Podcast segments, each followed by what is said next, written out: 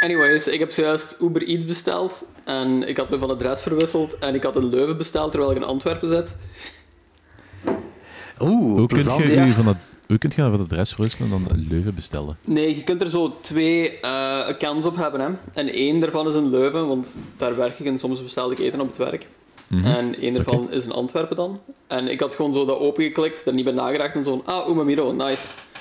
En dat staat zo ingesteld dat die, dat die betaling ook zo automatisch gebeurt als je gewoon op bestellen klikt. Mhm. En ik klik op bestellen en ik zie zo Umamiro Leuven staan in plaats van Umamiro Antwerpen. En ik had zoiets van, damn, that's, Ja, that's bad news. maar normaal gezien, uw, eh, uw leveradres was toch Antwerpen? Nee, mijn leveradres was Leuven.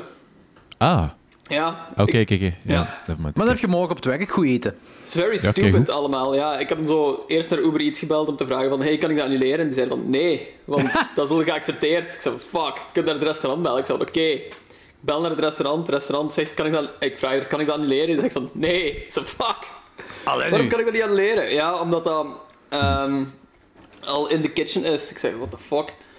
Ehm, ja, want blijkbaar hebben die zo'n systeem dat die niet elke bestelling moeten accepteren, maar dat het ook zo automatisch geaccepteerd wordt, dat dat sneller gaat en zo. En daarom kunnen zij dat dan niet annuleren.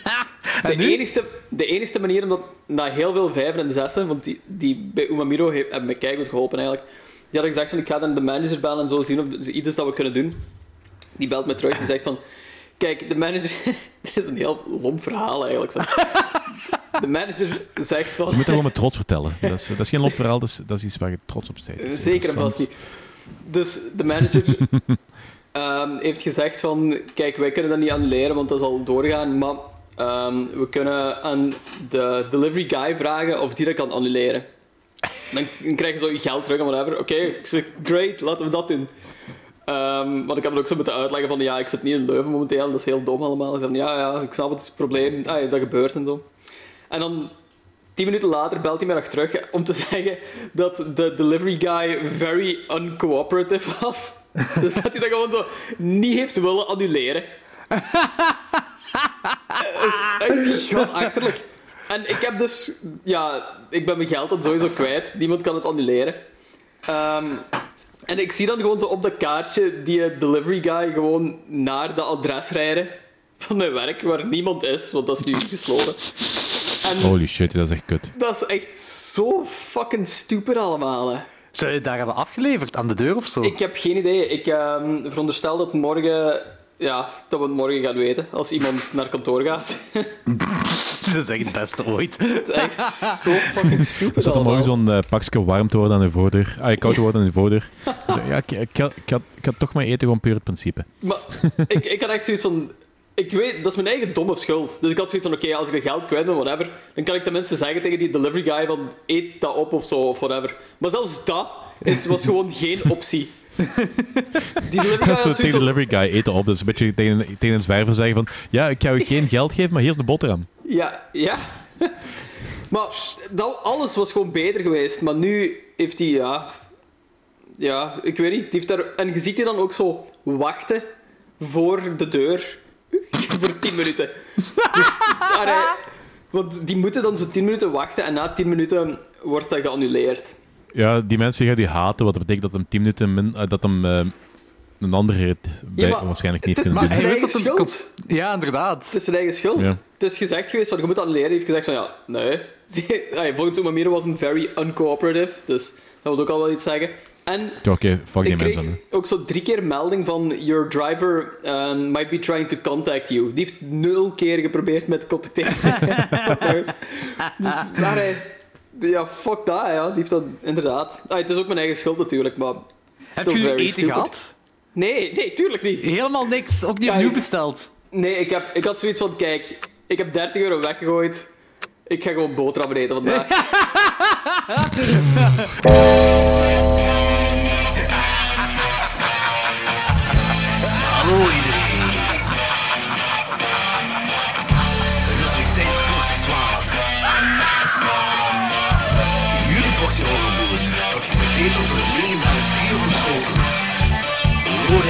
Wat? Ik kan me zelfs niet een beetje herinneren. Danny Ja, fuck die, fuck die mensen. en Jordi. Haha, yes! Bier drinken! Woo!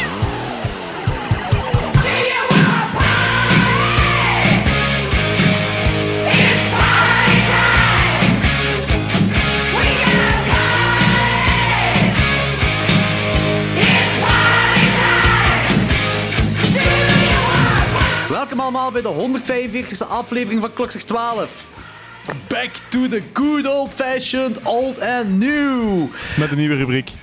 En een nieuwe rubriek, inderdaad. Hey. We reviewen vandaag de beruchte Italiaanse Exorcist rip-off The, Exor de, de Antichrist uit 1974 en de daarop aansluitend thematisch gelinkt door religie Saint Maud van A24.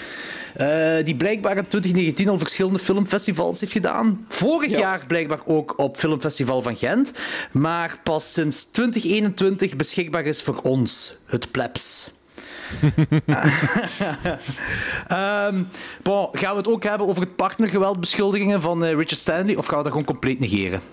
Ehm, Ehm, misschien moeten we dat wel ik- ergens ik wil gewoon- aanhalen. Ja, misschien heel even, maar ik wil dan zo niet uitgebreid over ingaan, want eh, het is weer een situatie van... Ik weet niet wat er anders... Ik weet het fijn er niet van, dus ik wil dat zo aankaarten. Maar Ja, ik vind gewoon dat we het moeten benoemen, omdat we Ja. vol liefde eh, over zijn Ja. films hebben gepraat en over hem zelf ook. En ik meen dat ook, allee, qua filmregie is dat een beetje een held van mij, van de drie films dat ik van hem gezien heb. Ehm, Op persoonlijk gebied is het iets minder een held. Nee. eh, een beetje veel minder. Een beetje Ja. veel minder. Ik heb de brief gelezen van zijn, is dat ondertussen ex? Ik denk het wel, hè. Denk ja, ook, dat ja. is zijn ex-partner. Maar die heeft meegeholpen, die, die, die heeft meegeholpen aan de Colorado Space ook, hè. Dus ik Ja. veronderstel dat dat die... Want die, ik heb ook gezien op haar Instagram, ze is met spiri- spiritualiteit bezig ook. Dus ik denk Ja. dat, die, dat dat die spirituele vriendin is van hem, waar Jonas Ah, het ja, over had. Ja, ja, waarschijnlijk wel dan, ja. Ja, Maar ik vind denk het raar, want schijnbaar die beschuldigingen zijn al jaren oud, maar dan hebben we toch nog samengewerkt, twee jaar geleden. Ja. Dus, Ja, het, inderdaad. is, het is gewoon, 20 het is een- ik weet er allemaal het fijne niet van, dus ik wil er eigenlijk niet te veel ehm, een oordeel over hebben. Maar het is, het is wel belangrijk dat effectief het ding is, uitgevist wordt wat er effectief Ja. aan de hand is. En als het terecht is, dat die kerel ook effectief zo onze kloten krijgt. En als het fake, of als het niet terecht is, dat die er vrij uitgeraakt. I don't know. Het is, het is zo moeilijk tegenwoordig. Maar eh, eh, had ik het nu compleet mis? Of eh, is dat een blogpost uit 2014 dat nu aan het licht is gekomen van beschuldigingen die toen zijn gebeurd? Eh, en allee, ja, dat, dat, eigenlijk toen, dat het nu pas aan het licht is gekomen, want dat ze ondertussen ja, verder nog hebben samengewerkt. Ja, maar dat Of vind ik het raar ervan. Dus van, ah, het is, Het is heel je hebt, je wel en beschuldiging. Ik wil, er, eigenlijk- ik wil daar niet over hebben, want ik, ik ken het verhaal niet en ik ga hier wel een mening over eh, proclameren als, ik, dat- als dat zo blijft doorgaan. Dus En jij wilt geen mening vormen. ja, ik wil geen mening vormen op basis van de informatie die ik heb. Die, en die informatie is heel weinig. Dat is net gelijk de hele Marlon Manson verhalen. Dat is, dat is zo, iedereen heeft een mening klaar en ze hebben eh, een fractie van de informatie. Ja, Ja, alleen vind ik dat hier nog wel anders, omdat dat zo van Ja, ik ook. zeven jaar geleden is of zo. Ja, Ja, dat, ook. dat, is, dat, is, dat is hetgeen wat ik ook zo raar vind, want het is van, ik wil dat absoluut niet gaan ehm, minimaliseren dat, dat dat nu een ding is geworden, maar ik vind het, dat rijmt gewoon in mijn hoofd niet van ehm, dat die mens effectief zeven jaar geleden al een blogpost erover heeft gemaakt, de beschuldigingen geuit, die weten dat van elkaar, de beschuldigingen zijn er, en dat ze toch nog fel blijven werken, dan plots, nu is dat een probleem. Ja, dat is dat wat ik ook niet echt snap. Ja. Maar ik- pas op, ik, ik kan zeggen dat ik mis ben, hè, maar ik dacht dat dat een blogpost uit 2014 was. Ik ja, maar het ook was, het was al 100%. jaren, het was al iets van jaren oud. Wat Dus- denk jij, Logans? Ehm, ik denk van... Als dat echt zo'n lul is, dan moet hij gewoon nooit meer werk krijgen. Ehm, ik heb de brief niet... maar vluchtig gelezen of zoiets. En ik klonk gewoon... Het is fel wel. Het is het, echt klonk, het is fel. echt super fel. Het klonk echt gewoon alsof eh, Stanley gewoon een dikke klootzak is. Ehm, ik heb vandaag gelezen dat Spectrevision ook officieel de samenwerking met Richard Stanley heeft stopgezet. Ehm, dus ja. Ik, eh, ik neig naar een dikke fuck you Richard Stanley Ja, nu ja. eigenlijk.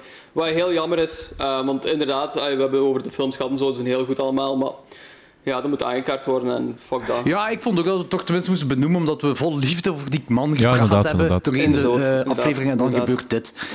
Maar ik ga Ehm, er ook heel, heel eerlijk in zijn. Dus van, ehm, ik, ik, vind, ik vind hardware en dergelijke, ik vind dat, ik vind dat coole films en zo. Maar die zijn, eh, zijn bestaan en zijn werk stond voor mij momenteel puur een functie van Call of the Space en die twee films die er nog na zouden komen. Dus Jonas gaat dat gewoon moeten doen. Hè. Jonas gaat dat gewoon moeten overnemen. Dus, ja. Ik heb gevraagd aan Thomas, eh, aan Thomas, aan Jonas Thomas. van... eh Thomas Novaerts. eh, zijt jij ervan op de hoogte dat dit gebeurd is? En is, ik weet ook niet wat er van waar is. En hij zegt, ja, ik heb het juist vernomen van... Ik weet al niet meer van wie. Ik vind het heel triest. Heel, heel triest zijn. Ehm, dus ja. Ah. Ja, zeker- als zeker als we nu zo- de trilogie mogen afmaken. Hè? Dat zou heel ja, cool zijn. ik- ik vind- we, gaan, we, gaan, ehm, we gaan dat idee lanceren in de wereld. in de wereld en uh, Spectrovision daarmee confronteren. ja, dat is goed. ik, ik meen de half, hè. Ja, ja, dat weet ik, dat weet ik, dat weet ik. Dat weet ik. Ehm, goed. Ehm Zelfs hebben een nieuw segment die we gaan introduceren. Eh, die heet Danny's Boekenclub. Maar eerst, eerst de trekhaak.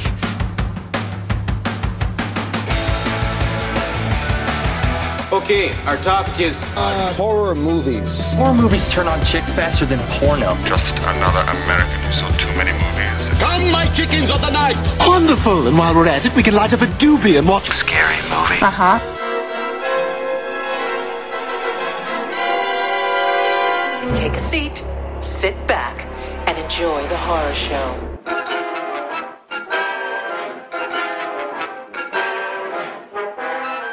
Oké, eh, de eerste film die ik heb gezien is Monster Hunter. Dat is eh, Ah ja, de, nieuwe ja. film eh, met Mila Jovovich en van, van, van Paul W- W.S. Anderson, denk ik. Ja, ja, klopt. Ja, ja, ja. En ja, dat is, dat is eigenlijk ehm, Resident Evil met, eh, met eh, monsters. Ehm, Ah, oké. Ja, nee, het, Cool. is, het, is geen, het is geen Resident Evil film. Het- maar het, is zo, het heeft zo die, ehm, die typische Anderson-vibe. en ja, daar zitten coole dingen in. Maar het is zo te weinig van... ah, het is echt een middelmatige film. Het is zo te weinig van alles. Zeker in de tijd dat je daar Godzilla en eh, Kong en eh, eh, Ghidorah en wat dan ook nog allemaal Ja, hebt. ja, ja. Je- eh, we zitten in de Age of the Titans, Ja. eh, de Monsterverse. En dan komen ze met deze half warme pap af. Ah, oké. Dat Dus is wel jammer dan. Zeker omdat ze dat Monster Hunter, dus er zijn zo, ik denk twee of drie, ergens, ergens wat coole spinnen. Ja. En een, een monster dat zo, ja, ehm, kleiner dan, kleiner dan eh, die draak in eh, de, de Mandalorian. Dus, ja, je, je verwacht tegenwoordig huge beesten. Kaiju, Ja, kaiju's. eh, De ja. Monster Hunter, inderdaad. Ja, ze- zeker met zo'n naam, zeker met zo- zo'n epische eh, anime-stijl zwaard was daar zo op staan. En, ja, Ja. het is, Maar is dat op basis van de videogames? Ik neem aan wel. ja, wel. maar dat, dat, is ook, dat is ook met haar erbij getrokken. Dus zo van, zo, Ah, ja, ja, kijk, oké. we hebben een videogames met een monster. En ja, ehm, we gaan kijken of we dat monster eh, in plaats van drie pixels effectief een ding van kunnen maken. En, ja. Hmm. Ah, Machtel die speelt dat graag, die videogames. Monster Hunter. Ja, Het is heel Oké. grindy, het schijnt, ja. ja. Ja, ik heb dat Oké, heel lang geleden ooit gespeeld, maar don't know. Maar 2,5. 2,5. Ik heb me wel geamuseerd, maar het is gewoon... Ja. De verwachtingen helemaal niet ingelost. Ja, dat is jammer. Eh, en eh Logans? Ehm, ik heb nog eens, eh, en een tijd geleden had ik dat ook gedaan, zo nog wat Cronenberg-films gekeken. Ehm, ja. Maar de reden daarvoor is dus van, ik heb zo'n tijd terug ehm, een artikel geschreven voor zo'n Gata-magazine. dat is Ja, ja, ja. Japans Ja. magazine. In de tijd, terug- in de tijd had ik ehm, een artikel geschreven over zo Italiaanse horror, dat je moet checken zo met de top 12 van Italiaanse horror en whatever. Ehm, Ja, ja. en die hadden gevraagd of ik er zo nog meer wou schrijven. En die hadden zo ehm, en ik heb gezegd van ja, sure, graag. En dan zo wat liggen nadenken zo van waarover ik wou schrijven. En toen was ik er eigenlijk uitgekomen dat ik gewoon eens een beetje een semi-deep dive wou doen op ehm, David Cronenberg. Omdat als ik er zo Ah, over ja. nadenk, is dat wel zo... Ik denk zelfs mijn favoriete regisseur. Ah, dat is wel cool. En, ehm, dus ik had naar aanleiding daarvan nog een paar eh Cronenberg-films opnieuw gekeken en ook ene voor de eerste keer gezien. Ehm, en diegene die ik voor de eerste keer heb gezien in zijn volledigheid ook gewoon is The Brood. Ah, ja, oké. Nog nooit gezien. Heel grave film, vond ik dat. Dat is een Ehm, tweede of zo, denk ik, hè? Niet? Nee, ik denk... ehm, nee, later, later. Ah, toch. Oké. Eh, oh, wacht, nee, nu ben ik niet heel zeker. Ik heb pas geschreven, ik ben dat door elkaar aan het halen. Ja, ik, ehm, ik dacht dat dat ergens nog jaren 70 was, maar ik ben niet zeker. Ik, het is inderdaad nog jaren 70, 79, maar ik denk dat dat na Rabbit is. Ah, oké, dat is ook Ja, kunnen. want Shivers kunnen. is 75, Rabbit is 77 en Ah, ja. The Brood is 79, denk ik. Als ik Ja, dat kan wel. Het zou kunnen, zou memory ja. serves me correctly. Ehm, ik, vond hem, eh, ik vind het een ongelooflijk gaaf film, zoals altijd, van de typische Cronenberg-dingen. Ehm, psychoseksuele shit, ehm lichaamtransformaties, heel gore body horror eigenlijk. Maar dat er heel graaf uitziet weer. Weer zo'n heel vuil sfeerke en zo wat erin zit. Dus eigenlijk eh, een van mijn favoriete Cronenbergs, denk ik. Eh, het is ook met Ah, Oh. ja, eh, zeker in de top, top 5 van Cronenberg. Cronenberg heeft 21 films ook gewoon gemaakt. Dus daar had ik mij ook een beetje aan bespakt. Ehm, maar het is ook met Oliver Reed die te gek is. ehm, Waar ik na The Devils echt een grote fan van ben geworden eigenlijk. Ehm, dus The Brood is echt wel een grote aanrader. Eh, ik geef hem ook een 4 op 5. Nice, cool. Ja. Super lang geleden en- dat ik die film nog gezien heb. Ja, en ja, ik heb dus nog zo een paar andere eh Cronenbergs opnieuw gezien die ik zo al een tijdje meer had gezien. Ja. Ehm, en voor het artikel dan eigenlijk. Het artikel komt normaal zondag, ehm, zondag online. Maar dat zal Alright, zult je cool. wel op mijn Instagram zien verschijnen. Ehm, ik had dingen nog eens opnieuw gezien, Videodrome, omdat dat heel lang geleden is. Ehm, en dat blijft veruit mijn favoriete Cronenberg zelfs. Ik vind die zelfs cooler dan The Fly. The Fly vind ik ook fantastisch. Maar Die nu trouwens op Disney Plus staat. Ja. The Fly? Echt? Ja. Ja, Nice. Star dan, hè? Op dat... Ja, ja, ja. Ja. I, I figured, ja. Ehm, Videodrome blijft mijn absolute favoriet. Omdat er zoiets heel ambigu ook gewoon in zit. En ja, dat spreekt me daar zo heel fel aan aan. Dus zo dat onzekere, dat onwetende ook gewoon. Wat ik heel, heel boeiend vind. En ehm, ja, de bizarre visuals ook gewoon. Hè. Een hand met een geweer dat zo uit de tv komt en shit. Iemand die zichzelf eh, ah, een soort van vagina krijgt in zijn maag. En dan zichzelf, Ja, die videobandtoestanden. ja, dan zichzelf zo Ja. begint te masturberen ook eigenlijk precies met zo'n geweer ehm, in die maagvagina dan en zo. Dat is waanzin allemaal, hè, maar dat is, Maagvagina is officieel de hashtag van de dat is dag. echt shit dat alleen zomaar Kronenberg kan maken en ik vind dat echt fenomenaal. We hebben het Eh, over gehad in onze top 10 eh, van 1983, hè. ja, ja, ik, ik blijf er echt... ehm, ik ben er echt verliefd op die film, denk ik. En ene die ik ook nog opnieuw had gezien, en dat is niet 100% horror, maar ik wil hem toch even aan, aanhalen, is eh, A History of Violence. Oeh, ja, dat is een van zijn meest recent, ah, meer recentere, hè. Relatief recent. Het is van 2005 al ondertussen. Ehm, Dat is eh, maar langer geleden dan ik Ja. dacht. Dat is toch Dat de is Ru- van- die Russische maffia? Eh, nee, nee, nee, nee. nee. ehm, het, is, het heeft maffia-toestanden, ja, ja. Maar misschien nee, wacht, wacht, dat, Promises is- dat, is voor. met, dat is toch met dingen, dat is met Argon, Argon hè? Met Vigo Mortensen, ja. Ja. Ja, Ja. ja klopt. Dat hij zo dat, dat gezin heeft en dan blijkt dat hij zo'n hele geschiedenis heeft. Ja, ja, klopt. A History of Violence. Ehm, Yes. En ik had die... got a history of violence, hè? There you go. En ik had die ooit eens één keer gezien en ik had die nu opnieuw gezien en ik vond hem ehm, beter als de eerste keer dat ik hem zag. Dat is een eh, ongelooflijk brute film die me eigenlijk heel veel deed denken aan die laatste film van Craig Zahler. Ehm, waar we het ook een paar keer over gehad hebben. Drag the Cross Ja. Concrete. Ah, ja, ja, juist, ja. ik vind ja. dat dat zo dezelfde stijl heeft, dezelfde manier van acteren. Eh, een paar scènes die heel fel gewoon op het gebied van eh, horror, body horror, eigenlijk, ehm, of puur geweld, fel Brutale elkaar geweld. heel, heel brutaal zijn en zo. Ja. Ehm, dus daar deed me nu heel aan denken. Ik vind, ja, de eerste keer dat ik hem zag, vond ik hem goed, maar was ik er niet zo onder de indruk van als nu. Dat is ook zo'n Ehm, slow burn. het is semi-slow burn. Ja, het, het einde is extra brutaal natuurlijk en zo. Maar je hebt Viggo Mortensen die dat heel goed speelt. En een mysterie dat je echt heel fel kan boeien vanaf moment 1 eigenlijk. En dat is een... Dat lijkt me zo'n film die zo stilletjes aan het vergeten is. Dat mensen die zo stilletjes vergeten in Cronenberg zijn uiveren, omdat iedereen gewoon zo meteen naar zo The Fly of Videodrome of, ehm, of zo gaat. En A History of Violence, die blijft zo precies wat op de achtergrond. Terwijl het echt, echt een pracht van een film is ook. Dus ik raad iedereen aan om die nog eens opnieuw te zien. Nu, History of Violence was in de tijd was dat wel een big deal. Ja, inderdaad. Eh, ja, mid-2000s Ja, is, dan het, het blijkbaar. is niet lang een big deal gebleven. Om een of andere reden. Nee, mensen hebben die misschien e- sneller vergeten of zo. Volgens mij is het ook met Ed Harris, maar ik ben niet on- dacht ik toch. Want ik weet dat, er zo, ik weet dat, we, ook dat ik op school zat en dat we een ding rond Ed Harris deden en eh, dat dan History of Violence... Ofwel ben ik helemaal mis. Het is met Ed Harris. Ja, dat is met Ed. Harris. Ja, en, eh, dat, eh, en ik, dat, dat was zo'n een big deal toen op dat moment, History of Violence. Maar dat kan eh, inderdaad, wat je zegt, Danny, dat was zo heel snel vergeten, precies. Dat klopt wel. Ja, wat ik heel ehm, ja, jam- jammer vind eigenlijk. Want die kreeg inderdaad supergoede reviews. Volgens mij heeft hij ook zelfs Oscar-nominaties gehad. Daar ben ik niet 100% zeker van. Ehm, maar alleszins, fenomenaal film. Eh, Ja. ik hem 4 op 5 ook. Alright, nice. Alright. Cool. Heel cool. Ehm, Eh, wat, ik heb er twee... Godverdomme. Ik heb er twee gezien. Ehm ene, Ik hoor, een ik hoor film... allemaal geluiden van u van, eh, zie gewoon dat je USB-poort niet aan het eh, con- disconnecteren is. Hè? Nee, dat, je, dat je nog aan het opnemen bent. Nee, nee, ik ben nog aan het opnemen, maar het is, eh, in mijn andere laptop zit mijn ding... Maar ik ga die, dat geluid uitzetten. Zit mijn eh, gsm ingestoken, dat is alles. Alright. Ehm, ik heb een film gezien die we vier jaar geleden, namelijk in aflevering 4, voor het eerst vermeld hebben. En sindsdien staat die film op mijn watchlist. Ehm, die film heet Les Diaboliques. Een film uit 1955. En Goed, hebben- Diabolique. Wat heb ik gezegd? Les Les- Diabolic. Les Diabolique.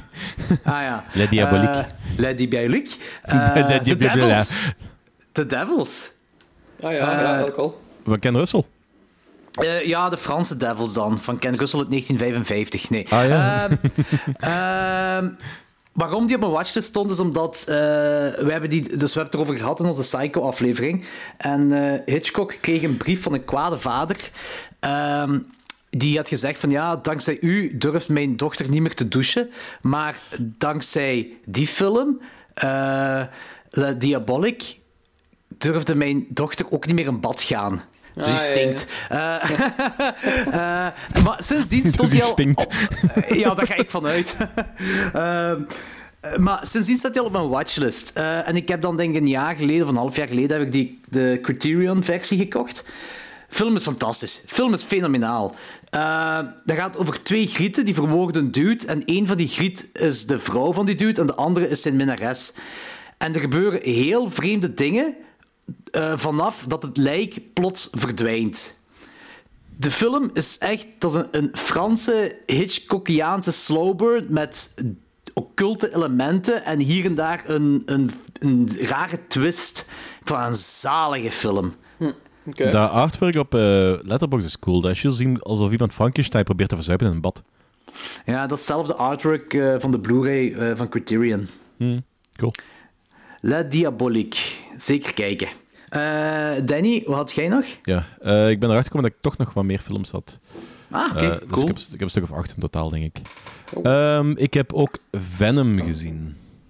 Ah, ja. Ja, Oké. ehm, ja technisch gezien, dat is een superheldenfilm. Het is wel zo een van de horroraspecten van, eh, Ja, ja. van die Spider-Man-reeks. En ze willen daar vanaf de volgende ook nog meer die horrorkant op gaan. Eh,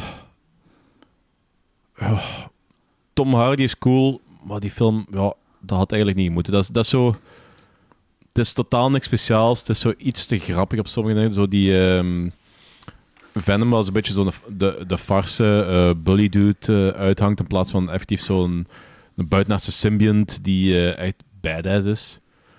Ik vond dat eigenlijk leuker in die derde Spider-Man film. Maar het kan wel een opener zijn van een, van een cooler universum. Dus als ze dat verder opentrekken en je hebt zo die eh, andere eh, symbionts, die gaan ze coole dingen mee doen, dan zou ik dat misschien nog wat tof kunnen vinden. En dan kan in retrospect kan dit een coole opener van een universum zijn geweest. Maar momenteel vind ik het oh, niks speciaals. 3 op 5. Ja. Ja, ik, ik denk dat ik die een 2,5 of zo heb, of misschien ook een 3. Ik weet, nee, waarschijnlijk een 2,5 of zo. Maar ik vond het ook eigenlijk niks speciaals. Eh, ik had wel het gevoel dat dat een kleinschaligere film was. Zou ze dat niet grootschaliger gepland hebben oorspronkelijk? Moet het terug eh, nee, Goh, inbinden op een of andere manier? goh ik er weet was niet. volgens mij wel iets rond te doen, maar ik, weet niet, ik, ik, weet, ik ken details niet meer. Want Ik dat, dat, ik- dat script is volgens mij ook drie keer geschreven of zo. Ja, ik, ik weet het echt niet. Ik, ik, ik, ik heb te weinig info erover. Ik weet gewoon dat ik die gezien had en dat ik zoiets had van, meh, meh, Hmm. meer niet. Ja, ik weet dat ik in de tijd zo, eh, toen dat ze eerst afkwamen, met, kom een Venom-film, ik was zo cool. Want Venom, dat is zo een van, een van de coolste eh, anti-helden in dat heel MC, MC eh, Marvel-universum. eigenlijk. Ah, ik, ik zeg MCU, maar het is gewoon het Marvel-universum. Eh, dus ik, ik was wel heel enthousiast, want dat is voor, in die derde Spider-Man is dat ook zo een van de weinig coole elementen. Want voor de rest vind ik dat een vrije rukfilm. Na twee eigenlijk wel coole installaties van die franchise. Ja. Dus ik had ook gehoopt dat dit ook cool ging zijn. En hoe meer nieuwsberichten dat zo uit, uitkwamen met zo de progress ervan, hoe minder enthousiast ik ook werd. Dus, dus het is ook pas nu dat ik hem voor de eerste keer gezien heb, omdat het ook op Netflix stond. En ik te lui was om verder Iets te zoeken anders op te zo- Ja. ik snap het. Dus kent je, kent je dat zo van die dingen die je in de watchlist hebt staan en je, wilt, en je weet dat je iets kunt zien wat, je wat toch beter is. Ja. Dus dat blijft dan weken of maanden in die watchlist. En uiteindelijk heb je toch zo'n moment van...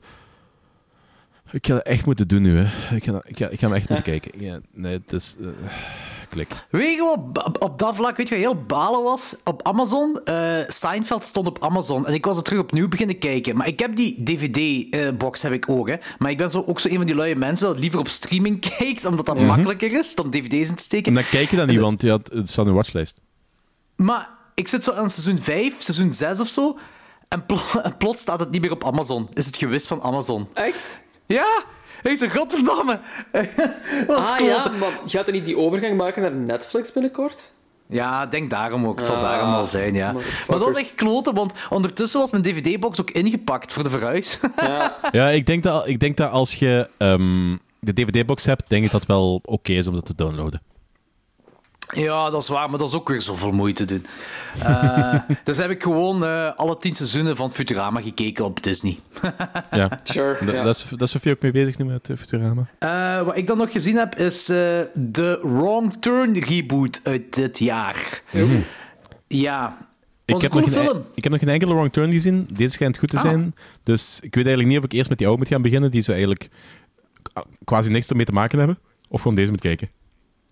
Ja, al wel, inderdaad. Die. eh, goh, dit is zo'n beetje het concept gelijk de Child's Play reboot en, en de originele film zo. Moest het echt een reboot zijn? Zo, allee, ja, snap je zo? Had het onder die naam moeten uitkomen?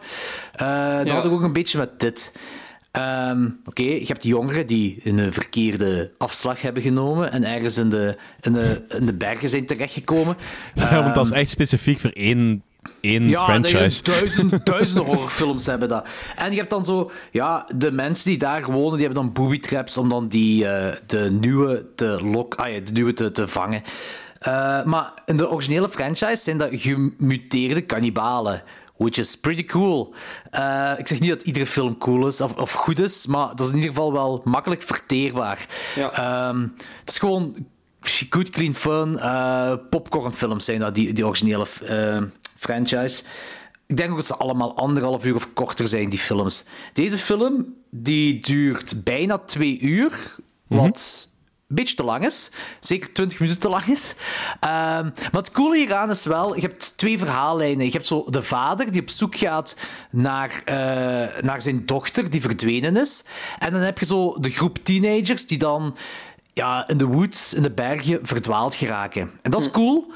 Ehm, en ik vind zo die, die vaderlijn, die, die, die arc van die vader erbij, vind ik heel cool. Dat, dat heb ik, zover ik me herinner, niet bij, de, bij, de, bij een van die oude... Ik heb er vijf gezien of zo, bij die, van die oude films. Daar heb je dat niet bij. Eh, daar is het altijd zo tieners geraken vermist. En dan in die tweede film heb je dan nog Henry Rollins. Eh, Nu al de beste uit de reeks. ja, sowieso. Ehm, maar eh, hetgeen wat je hier hebt, dat, dit zijn geen kannibalen. Dit zijn eh, gewoon mensen die daar wonen, cultisten, ehm, ja, die een eigen beschaving daar hebben eh, opgebouwd. En op zich, op zich is dat... Weet, weet op zich... Ik, ik, ik zeg, ik vond dat een coole film. Ik heb me zeker geamuseerd. De gore is goed. Zo. Dat is een 3 op 5 voor mij. Die duurt gewoon te lang. De 110 minuten is veel te lang voor zoiets. Maar... Dit, dit had gewoon geen reboot moeten zijn. Ik snap niet waarom ze dit... Allee, de, Wrong Turn franchise, dat is niet zo gigantisch spectaculair dat dat mainstream audience gaat lokken als je dit Wrong Turn reboot noemt. Dat is niet Nee. gelijk bij de Child's Play remake. Inderdaad, ik heb nog nooit iemand horen zeggen van, oh ja, eindelijk nog eens een nieuwe Wrong Turn film of Nee, zo. voilà, inderdaad. En die, die hebben al zes of zeven films wel, maar dat is echt zo voor, voor de, de, de, de gemiddelde horrorfan. Ja. En deze film was sowieso geraakt bij de gemiddelde horrorfan. Ja. Omgekeerd of draait. Ja, maar nu sneller. En dat is wat dat, eh, die uh, drijft aan Is denken. dat? Ja, dat, is Dat echt- vraag ik dat effectief, af. ja. Ik weet dat niet. Ik weet dat echt niet of dat nu sneller daar geraakt is.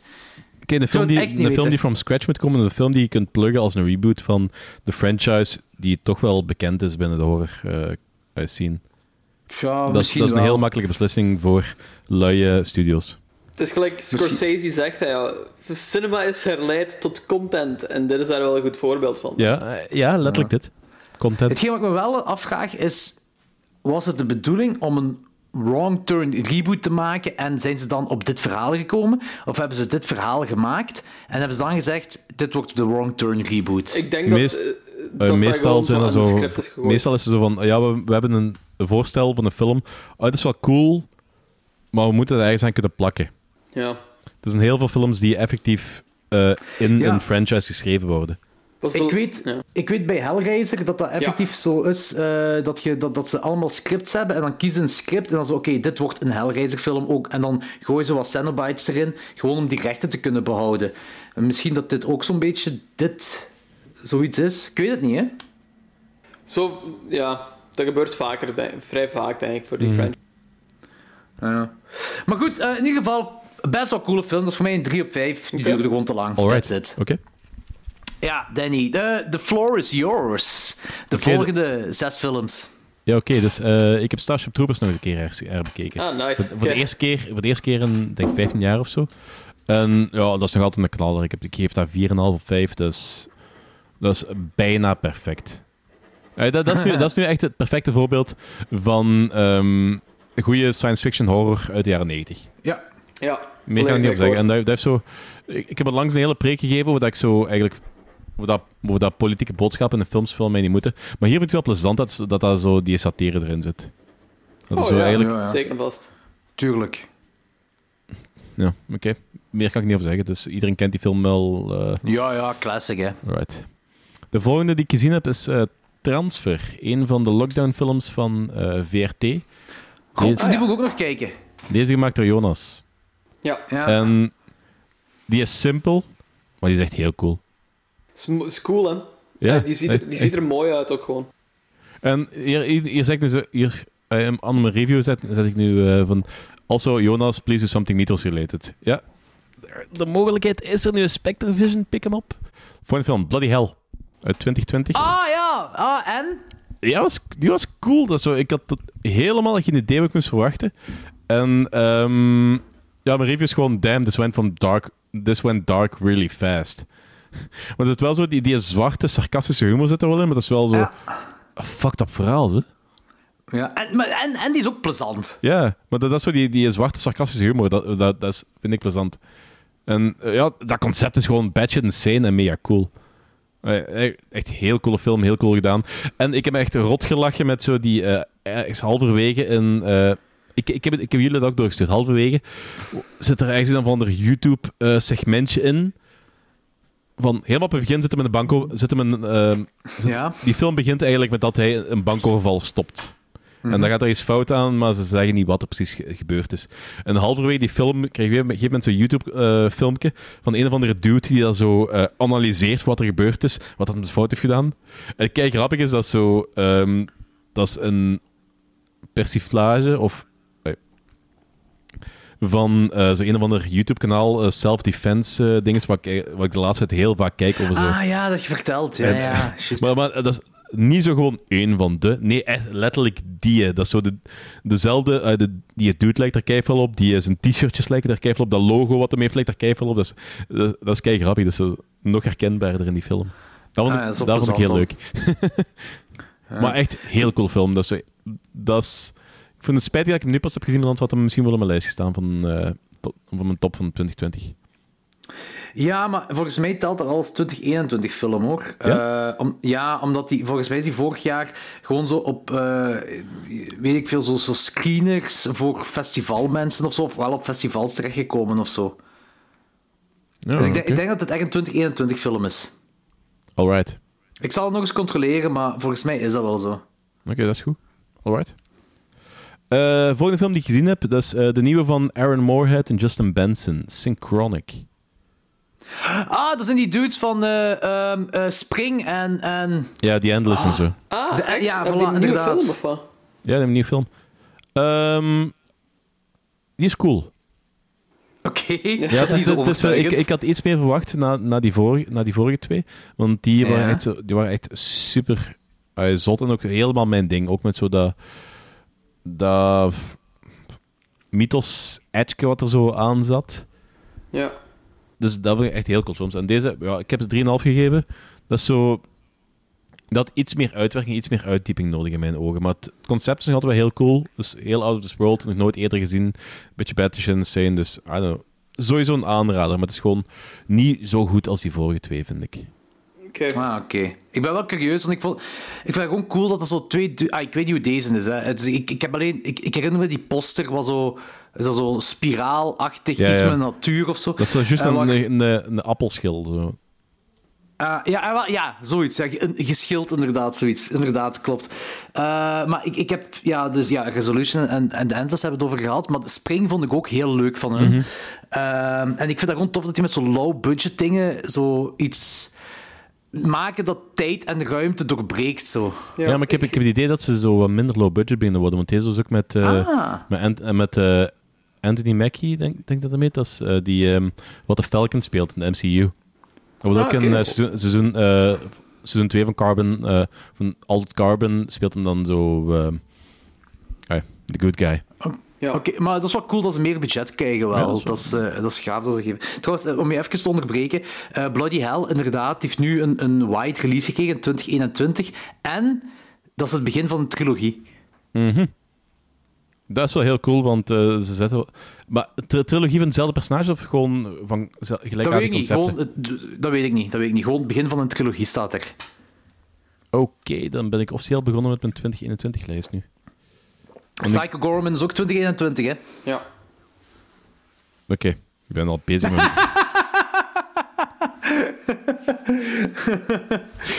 ja, ik probeer dat dit jaar gewoon. Ik, ik heb dat vorig jaar ook gedaan, zo ehm, het hele jaar lang zo'n lijstje bijgehouden. Want als ik dat op het einde van het jaar moet gaan opzoeken, dat is, dan ontbreken er sowieso vijf films. Oh, ik doe dat altijd. Ik doe dat elk jaar. Trouwens, dit jaar is echt slecht. Echt eh, slecht. Gewoon niks is uitgekomen.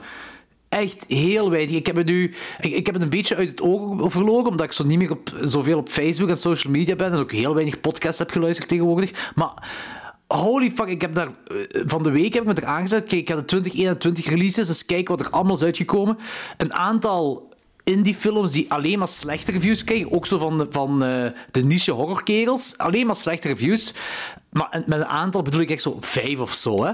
En dan de films die wij besproken hebben. Als in Psycho Gorman, Sand Mold nu. Hetgeen wat ik toen juist zei, eh, Wrong Turn. eh, en dan die, die Bloody Hell. En dan hier en daar nog een.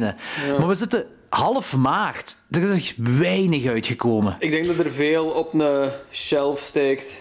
Ja. Dat gaat tegen het einde van het jaar, vanaf het moment dat- dat bioscopen en zo terug open gaan, gaan we... Ik kan niet zeggen dat, er zo, dat we plots een golf gaan krijgen, maar ik denk dat sommige, zeker de grotere dingen, even aan het afwachten zijn. Ik denk, Ja, ook, ik denk dat er op een zeker punt ook heel veel gewoon onceremonieus gedumpt ga- gaat worden op HBO Max en al die shit. Ja, maar dat ze gewoon echt niet kunnen wachten of zo, I don't know what. Ja. Maar ja, op, op het einde van het jaar, normaal gezien dit jaar krijgen we eh, Halloween Kills en Duister. Ja, dat is waar. Ja, ja. Du- Duitsers zijn in de eindfase. Dus, Waar ik eh, alleen maar goede dingen van gehoord heb. Dus, eh, dat, dat moet lukken. Duitsers moet lukken. Het zou heel raar zijn als we nu plots... ja, toch uitgesteld tot 2022. Dan ga ik mezelf vraag, vraagtekens erbij stellen. But it's my movie. Ja, we moeten heropnames doen zijn.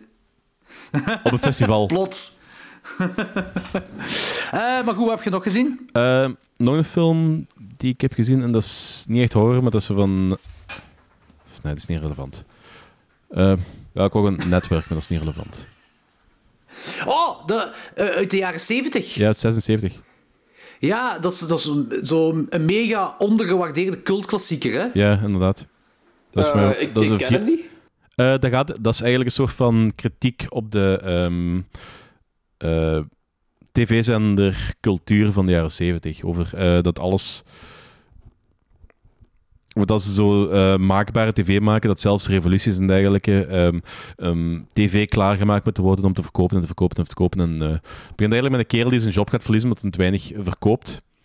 En dan krijgt hij zo'n breakdown. En door die breakdown begint hij zo eh, zotte dingen te verkondigen op tv en dan wordt hij toch populair. Dus gaan ze, gaan ze eigenlijk als een soort van laughing stick toch terug proberen online te zetten. Die beginnen ook zo van die ehm opruiende talen eigenlijk te verkondigen in zijn speeches. I'm not gonna take it anymore. En dat soort toestanden. En Ja. terwijl dat, dat compleet tegen de kraam, terwijl dat, dat compleet tegen de kraam van eh, die te- televisiezenders en dergelijke ingaat, hou, hou die toch binnen. En, I don't know. Ik denk dat jij dat wel cool gaat vinden. Ja, zeker. Logans gaat dat mega cool Ik vinden. ben eh, ik denk, ik denk heel excited ervoor eigenlijk, ja. Dat iemand die ook maar een klein beetje into film is... die- iedereen, gaat en moet het cool vinden. Oké, Lorenz, Eh, dat tegen is de volgende keer Netwerk. Alright. Het Network uit 76. Het staat in de watchlist. Dat, dat is van de regisseur van eh, Dog Day Afternoon en zie het. 12 Angry Men en... ehm, En dat is, met, dat is met Faye Dunaway, William Holden, Peter Finch, Robert Duvall Robert Duval. Ja. Uh, alright, ja. en Jo- John Carpenter. Ah nee, dat is een andere John Carpenter. Johnny, Johnny Carpenter. Oké, cool. Ik ben Eh, heel excited om te zien. Ja, oké. En de laatste film die ik in mijn lijstje heb is eh The Bad Shit Insane Hunter Hunter. Ja, die is cool, hè? Ja, eh, ik, ik, heb letterlijk, ik heb letterlijk gewoon een review geschreven. Holy shit. En ik heb daarna pas gezien dat, eh, dat Jordi knal dezelfde review had geschreven. Dat was echt zo het eerste, wat- dat is het eerste wat ik aan kon denken toen ik die film had gezien. Ik zei, holy shit, what the fuck. Maar dat, was- dat was sowieso de heel... als ik deze eerder had gezien, was dat waarschijnlijk nummer 1 van 2020 geweest voor mij. Ik denk sowieso top 3, maar ik Sowieso. denk ook nummer 1. Ja, Damn. ik denk dat ook. Oké. Er al- heb jij gezien, van Lorenz? maken. Nee, ik moet er eens werk van maken. Oké, ik ga tegen de volgende keer Hunter x Hunter zien en Network. Oké, kijk, je gaat dat niet beklagen. Maar dat is sowieso, sowieso al deel. Ik, ik kan daar niet, nog niet veel over zeggen, want ja, Lorenz heeft hem nog niet gezien. Maar ehm, sowieso een hele fijne eh, setting voor mij. Zo die, Amerika- die Amerikaanse bossen en dergelijke. Dat is die, dat beetje. Dus geen Een rural, jagersfamilie. rural, ja, geen rural areas, maar wel zo al wat meer teruggetrokken. Zo, al, eh, de bossen rond Twin Peaks. Dat is zo de omgeving. Ja, oké. ja, dat is waar. En ik vind dat een hele fijne setting. En dan zo van die eh, wat meer teruggetrokken mensen die dan zo met een wolf te maken krijgen. En dan begint hij zo af te vragen wat er aan de hand is. Is dat, is dat een weerwolf? Of, of beelden zich dat in? Of is, is er iets met die pa aan de hand? Of en wat allemaal? Dus, dus... En uiteindelijk blijkt dat alles wat je dacht dat was, dat dat zo eh, fout was. En meer ga ik er niet over zeggen. Oké. Een luisteraar van ons, die, eh, ik denk Filip van der Geld, die had gestuurd eh, naar Klokzeg 12. Jullie top, 12, eh, jullie top 12 van 2020 is niet compleet als jullie Hunter x Hunter niet gezien Oh ja. hebben. Geloof Filip, me. je hebt gelijk. En, ja, hij heeft gelijk. Dus ja. Dit is een film die ik nog wel regelmatig ga terugkijken. Ja, ja, ja, zeker, zeker. Mega zotte film. Books, all the books I'll need, all the books, all the books I'll ever want.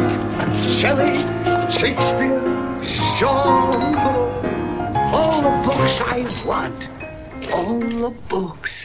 Ah. Alright, goed. Eh, dan is nu tijd voor een vrij, eh, nee, een splinternieuw segment genaamd Danny's Boekenclub. Ik geef het woord aan u, Danny. Hallo, welkom bij Danny's Boekenclub. Moet je zo'n jingle? Hoe zie je? ik heb, ik heb al kikkenvel, ik heb al kikkenvel. Is het door mijn zwoele, zachte Keep stem? keep Het is toch een zoele, zachte stem, de zzz-stem. Oké, dames en heren, we hebben dus eh, de nieuwe sequentie, Danny's Boekenclub. Eh, het concept hebben we de vorige keer al uitgelegd. Ik, ga, ik kies een, een boek, of een kort verhaal, of een novella, of een, ehm, of, een- of een hele franchise. Dus dat interesseert eigenlijk me niet, maar die wel verfilmd is geweest. En dan bespreken we dan het kort en bekijken we, de, eh Jordi en Lorenz, en ja, ik ook, bekijken dan de, bekijken dan de film. En ik heb dan het boek in mijn achterhoofd. Eh, als Jordi en Lorenz tijd hebben om dat boek ook te lezen, is dat kei tof. Maar voor de rest gaan we gewoon eens even een beetje vergelijken. En voor de eerste heb ik gekozen voor de classic Children of the Corn. Een kort verhaal uit de collectie Night Shift uit 1978.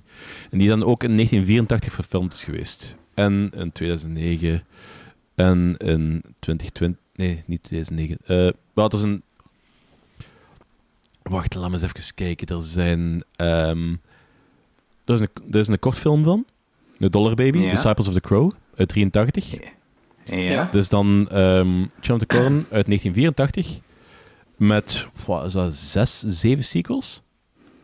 Eh, ik weet dat ik hier zes dvd's heb en eh, de zesde heet Children of the Corn 666. Ja. En ik Ja, denk dat, dat, ja, dat, is- dat, echt, dat is echt zot. Als je lijstje ziet, je hebt zo Children of the Corn 2 Final Sacrifice, 3 Urban Harvest. Eh, 2009 heb je dan een, een reboot eigenlijk. Ah ja, Dan heb je eh, nummer 4, The Gathering, 5 Fields of Terror, 6, 6, 6, Isaac's Return. Dan heb je nog dus Revelation, dat is nummer 7. Ah, Genesis, nummer 8. Oké, Runaway, nummer 9. Holy shit. Ja. En, en de 2020 is schijnbaar nog een reboot geweest. Echt? Dus vorig jaar nog een reboot gekomen? ja, dat, heb ik, dat, is me zelfs volledig, eh, dat is me zelfs volledig ontgaan tot ik het juist zag. Ja, ja, inderdaad. Dus, dus 10 Children of the Corn films, beginnend met een Elf. heel middelmatige film. Elf Ik- en een ja. kutfilm. Ik- Godverdomme. Ik was eigenlijk denken van, hier had nauwelijks een eerste van moeten zijn. Oké, ja. Eh, ja, het ding is... Dus wacht, eerst wil ik weten, Danny, wa- waarom de keuze voor deze boek slash film? Eh, omdat, ja, ik ben een grote Stephen King fan. Ik heb zo in mijn, eh in mijn tienerjaar heb ik dat zo, denk, het grootste deel van zijn oeuvre op drie, vier jaar tijd verslonden of zo. Dus dat was wel redelijk intensief. Ik deed niks anders dan Stephen King lezen. En ik ben ook een hele grote fan van, van die films. Zelfs de minder goede films vind ik het Je overal. hebt ze allemaal gezien, buiten die van vorig jaar. Ik ben er nu een jaar of tien niet echt meer mee, buiten dan zo hier en daar iets. Maar ik heb ze vroeger, heb ik al die, film, al die films had ik op cassette en zo. En ik heb die ook allemaal duizend keer gezien en zo. Dus Corn oké. heb ik ook, Oké. ook, ook op cassette gehad. Die en zo twee of drie sequels. Want dat waren de enige die toen, toen al uit waren. En ik, de originele the Corn, ik heb die, ook, ik heb die ook ik weet niet hoeveel keer gezien. Dus. En ik snap de commentaren die jullie ergens al, die jullie al gegeven hebben, maar ik, ik, ik- ja, ik ben fan van die film. Dus. Goh, ja, weet je, ik, zal, goh, ik, ik weet ook niet hoe, zo, hoe een review van de boekenclub gaat eh, komen. Ik denk dat dat natuurlijk wel gevormd zal worden. Ja, ja. Maar ik zal dus eerst zeggen van... ehm, of ik zal misschien eerst mijn mening zeggen over de film. Maar Eh, even dan ehm, kunnen we- een kort uitleggen wat het over gaat. Ja. Ah ja, doe maar. Ja, en eh, dan ehm, het boek en de film. Ja. Oké, dus eh synopsis van, de boek, van het boek is eigenlijk dat je een, je hebt een ongelooflijk sympathiek koppel, eh, genaamd eh, Bert en Vicky, die op een soort van we gaan ons huwelijk redden tripje zijn. En die kunnen elkaar totaal niet uitstaan. En op een gegeven moment komen ze ergens, ja, bumper to face met een eh, jongetje dat op straat staat. En die rijdt die eh, dood. Bumper to face. Ja, dus... dus er staat iemand... iemand ze, ze hebben een, ze hebben een ruzie en ze rijden een, ze rijden een jongen om. En ze denken van, oh shit, we hebben hier iemand doodgereden. En dan blijkt dat eigenlijk die zijn keel overgesneden was. En ja, ze zitten, zitten, zitten in Nebraska, ze zitten dan eh, tussen de maisvelden. Bert gaat even zoeken, vindt dan een koffer met ehm, wat, wat hoogstwaarschijnlijk van deze jonge man is. En ze willen dat toch bij de politie gaan aangeven en komen dan in het stadje Gatlin terecht, waar dat eigenlijk niemand is. En ja, gaan we, gaan we, dat, gaan we dat full review doen? Of, eh? Nee, gewoon een Oké. kort van eh, de, de bedenkingen over de film. En ja, of maar iedereen eh, weet dat in de film is dus eigenlijk een dorp waar dat, de kinderen eigenlijk alle ouders vermoord hebben. Ja, dat, is, dat, is geen, dat is ja. geen geheim meer. Dus. Nee, nee, nee, nee, nee, dat, dat wordt ook op het begin wel, eh, Mhm. wel established. Ja, in het kort verhaal niet, hè? Nee, ah, maar- wel, maar ja, daar zal ik zometeen wel verder op ingaan. Mhm. Ehm, maar eh, wilt je anders dat ik begin met, met de review? Ja, begin maar. Ja, dus ik heb eh, Children of the Corn, zoals ik zei, ik heb hier eh, zes dvd's van liggen. Dat is nog in de tijd dat ik videotheken ging opkopen en dat ik eh, een welgetelde som van 50 cent heb moeten betalen voor de zes dvd's. Nice. Ehm, ik- Money well spent. Ja, zeker. Eh, maar plus, ik ben ook een franchise dude. Dus eh, ik, als, ik zo, als er zo'n film zo... ah, ik, wil alles ervan hebben. Of ik wou dat toch in de tijd. En Children of the Corn ben ik nooit echt 100% mee mee Eh, ehm, dus ik was wel ehm, curieus om die opnieuw te zien. En je hebt me ook aangeraden om de tweede opnieuw te zien. Wat ik dus ook gedaan heb. Zal ik zelfs ook dieper op ingaan. Mhm. ik heb Ehm, gezegd dat het niet goed is, maar er zitten coole stukken in. ja. Nu, de eerste.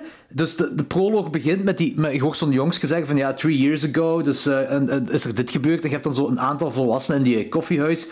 En die worden dan allemaal vermoord door vergiftiging. Door Ja. eh, eh, afges, afgeslacht door Malakai en nog die andere Ja, kinderen. stel je voor dat je vermoord wordt door een Ehm, ginger. Zo. Ja.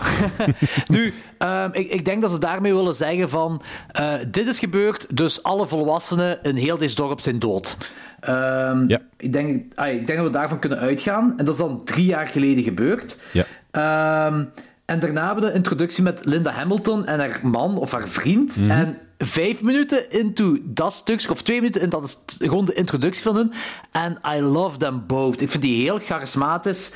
Um, ik ben mee, gewoon, je hebt Linda Hamilton die daar zo kei blij is aan het dansen, zo met die muziek en zo. Ik vond dat heel tof. Iets heel klein, iets heel onnozel. Ik vond dat heel leuk. En ik, zei, ik had zoiets van, ik ga het kut vinden als die twee zouden sterven. Dus ik was mee met uw hoofdpersonages, wat Mhm. cool is. En dat is, dat is, een, Ehm, heel, dat is een heel hoog contrast met eh, het kortverhaal.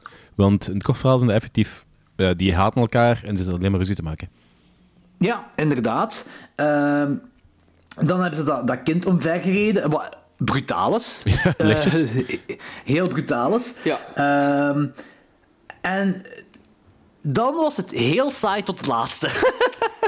Ehm, Jo- ik- Jordi, ja, ik ga nu al zeggen, ik geef je 100%... eh, ik ben volledig akkoord met hoe je het beschrijft. Ah, oké, oké.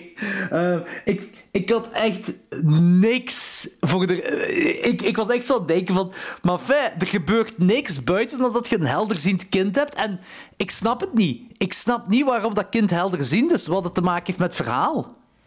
Ja, dat is, dat ook niet in de, dat ook niet origineel. Dat hebben ze gewoon erbij gezet om het eh, te, te verlengen en interessanter te maken. Denk ik. Ja. Ah, oké. Om het zo wat een protagonist-antagonist gegeven te hebben. Ja, want die, die, die Job en die Sarah, die, Sarah, die komen niet in dat kortverhaal voor. Hè.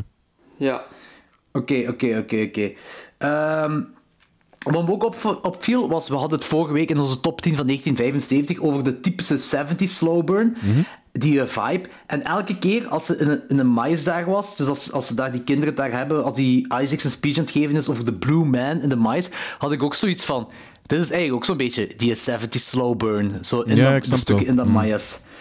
Eh, en ik zeg, ja, ik, ik, ik, ik vond dat vanaf toen vond ik dat zo eigenlijk de hele er gebeurt niks, alleen maar zo, maar ook zo niks interessants van gesprekken of zo. Het was gewoon een beetje een blend, totdat Linda Hamilton dan aan het kruis gehangen wordt, eh, wat, wat cool uitziet.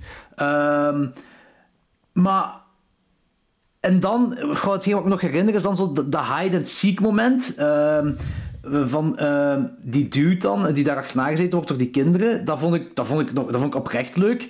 En het laatste, de finale. De finale was cool gedaan. Ook zo, dat zo die typische, gelijk jij het beschrijft, Danny, de... de typische Stephen King slow burn, of ja, nee, Ja, ja. B-movie ding, Mhm. dus dat was het, hè. Zo, en dat had ik op plaats ook zo met die Wallach en zo, en, en dat vond ik cool, dat was zo kitscherig en, en, en knullig wat, maar dat is, dat is wel cool, en ah, ik vind dat wel cool en graaf en, en, en charmant. Ehm, maar ik heb zo'n paar dingen van, je zit daar in maïsvelden en niks is eng in die maïsvelden. Maïsvelden, s'nachts, zijn de engste dingen ter wereld. Ik heb als kind vaak in maïsvelden zitten rondlopen en verstoppertjes zitten spelen in maïsvelden. Fucking eng. En deze film, die krijgt dat, die krijgt dat niet naar boven. En dat vind ik jammer. Dat is zo'n cool gegeven. En dan vind ik jammer dat dat zo... voor mij toch in ieder geval, lukte dat niet. Ehm... Ja, ik zeg voor de rest, wat, wat ik cool vond, is, is dat einde. En dat einde vond ik zo oprecht cool, dat ik eh, mijn score van 2 op 5 naar 2,5 op 5 doe stijgen. Oké, fair enough. Puur door dat einde, omdat het zo cool is. Ehm, ja, Logans, jij, is dit een rewatch voor u geweest? Of, had je die, of was het de eerste keer? Of... Eh, ik heb die ooit wel eens gezien, maar goh, wanneer was het dat ik die gezien had? Toen ik met een, met een vriend ging spelen, toen ik acht of negen of zoiets was. En die had zoiets van, hey, we gaan die film kijken, dat is een kei griezelige film. Zo, sure. En ik weet dat ik die toen eens gezien Sure. heb. Maar ik herinner mij er uiteraard heel weinig van, want volgens mij hebben die toen ook niet afgekeken, omdat dat een hele trage film, trage film is, basically. Ehm, nu was het dan inderdaad een rewatch voor de eerste keer na in bijna 25 jaar. Ehm, ik ga hem meer opnieuw zien, denk ik. Eh, ik, ik vond hem gewoon niet, niet zo goed. Ehm gelijk je zei, Jordi, zo van die opening is eigenlijk wel heel brutaal. Hoe dat zo... dan heb je zo die flashback, dat is Mhm. heel grellig. En je ziet er wel van mijlenver aankomen en zo, maar dat is toch nog wel indrukwekkend als dat gebeurt. Daar zo in die diner. Ehm, Ja. Dus, en dan heb je inderdaad zo die, ehm, die scène van de koppel, zo die setup eigenlijk. En die zijn inderdaad zo wel charismatisch en plezant en zo. En dan zijn die aan het rijden. En dan zijn die aan het rijden en... eh, ja, heb je inderdaad zo die heel brutale crash. En om een of andere reden verliest de film mij daar eigenlijk gewoon al. Omdat... Je leeft zo... ah, je zit nog zo'n banden maken met zo die personages. En dan stop, stoppen die in persoonlijkheden ook zo precies. Van dat punt. En dat, dat vind ik heel jammer. Ehm, dan zijn dat precies gewoon zo, ja... ehm, mediums die de film zo aan moeten... eh, Heel bland. Heel bland, inderdaad. Zo, al die persoonlijkheid is gewoon zo weggetrokken. En dat zijn gewoon zo dingen die zo ja, doorgeduwd worden, gebruikt worden om de film door te trekken of zo, denk ik. En dat, dat voelt ook zo heel klungelig aan van hoe dat verhaal verteld wordt. Want je springt zo van tussen zo de drie eh, groepen eigenlijk. Eigenlijk zo die twee jonge kinderen, dan zo het koppel en dan zo de, de Children of the Corn, dus Isaac en zijn bende, basically. Spring je zo de hele tijd. Malachi. Ja. En het is zo heel moeilijk om gewoon zo ergens zo wat voeding te krijgen, om zo precies te achterhalen van wat er eigenlijk gewoon aan de hand is, vond ik. En, ja, en waarom zijn die kinderen Waarom, zo... waarom zijn die kinderen zo? Want wat je weet is dat zo die Isaac gewoon zo in dat dorp komt en dat hij gewoon zo die kinderen gemanipuleerd heeft of zoiets. Maar ik, Nee, die hebben die, die hebben niet alleen en- gemanipuleerd, die heeft eh, die kinderen ook uitgenodigd bij de openbaring van He Walks the Rose. En toen hebben de meesten Ah, zich... ja. Dus die hebben, die, hebben dat, die entiteit wel min of meer gezien. Ah, oké. Want toen ik, ik heb ze het gevoel dat ik dat gemist heb gewoon. Maar dat Ja, kan, want dat dat wordt- dat wordt- niet in de film Dat wordt letterlijk verteld. Ah ja, Ah, oké. Oké, dat heb ik ook gemist. En wat me dan ook heel veel stoort, is dat ehm, niemand gewoon interessant is om naar te kijken. Vond ik. Je hebt zo die The Children of the Corn dan, wat dan zo ergens wel boeiende mensen moeten zijn, maar die zijn gewoon heel irritant. Je hebt die Malachi, die gewoon niet kan, echt heel slecht acteert. En dan heb je die Isaac, die ook heel, een heel punchable gezicht heeft. Ja, maar dat is Eh, ook wel Isaac heel... was cool op laatste. Ja, maar dat is, Ja, dat is ook wel heel zo, eh, uit, het cool. leven, uit het leven gegrepen, want de meeste van die preachers uit de, de Ja. Midwest wilt ge- hebben wel een punchable Ja, face. ja, ja. Die Isaac deed me ook denken aan zo, ehm, zo de evil guy van Resident Evil 4. Ehm, maar ik weet niet of dat geen ook niet gespeeld, ja. Maakt Nee, niet uit. nee, nee. Ehm, maar die, die acteert Savama ook niet geweldig. En dan heb je zo'n paar scènes dat die Malachi zo samen met die Isaac is aan het acteren en zo'n scène aan het doen is. En dat, is- dat is heel vermoeiend om naar te kijken, omdat die dialogen gewoon heel... Die vertellen zo heel weinig precies. En ja, die Malachi die kan gewoon niet acteren. Dus dat is heel Je zit daar constant ook door afgeleid. En dat is ook gewoon een heel, heel niet, eh niet charismatisch manneke. Wat, wat gewoon heel moeilijk maakt om gewoon zo ergens u aan te kunnen vastklampen in die film. Die En kerel, die kerel zegt zo ehm, vervloekt op alle mogelijke manieren. Hè. It's not great. It's not Ja, great. want, want eh, buiten dat het een ginger is, heet hij ook Courtney. Ah, ja. Ja. Oeh.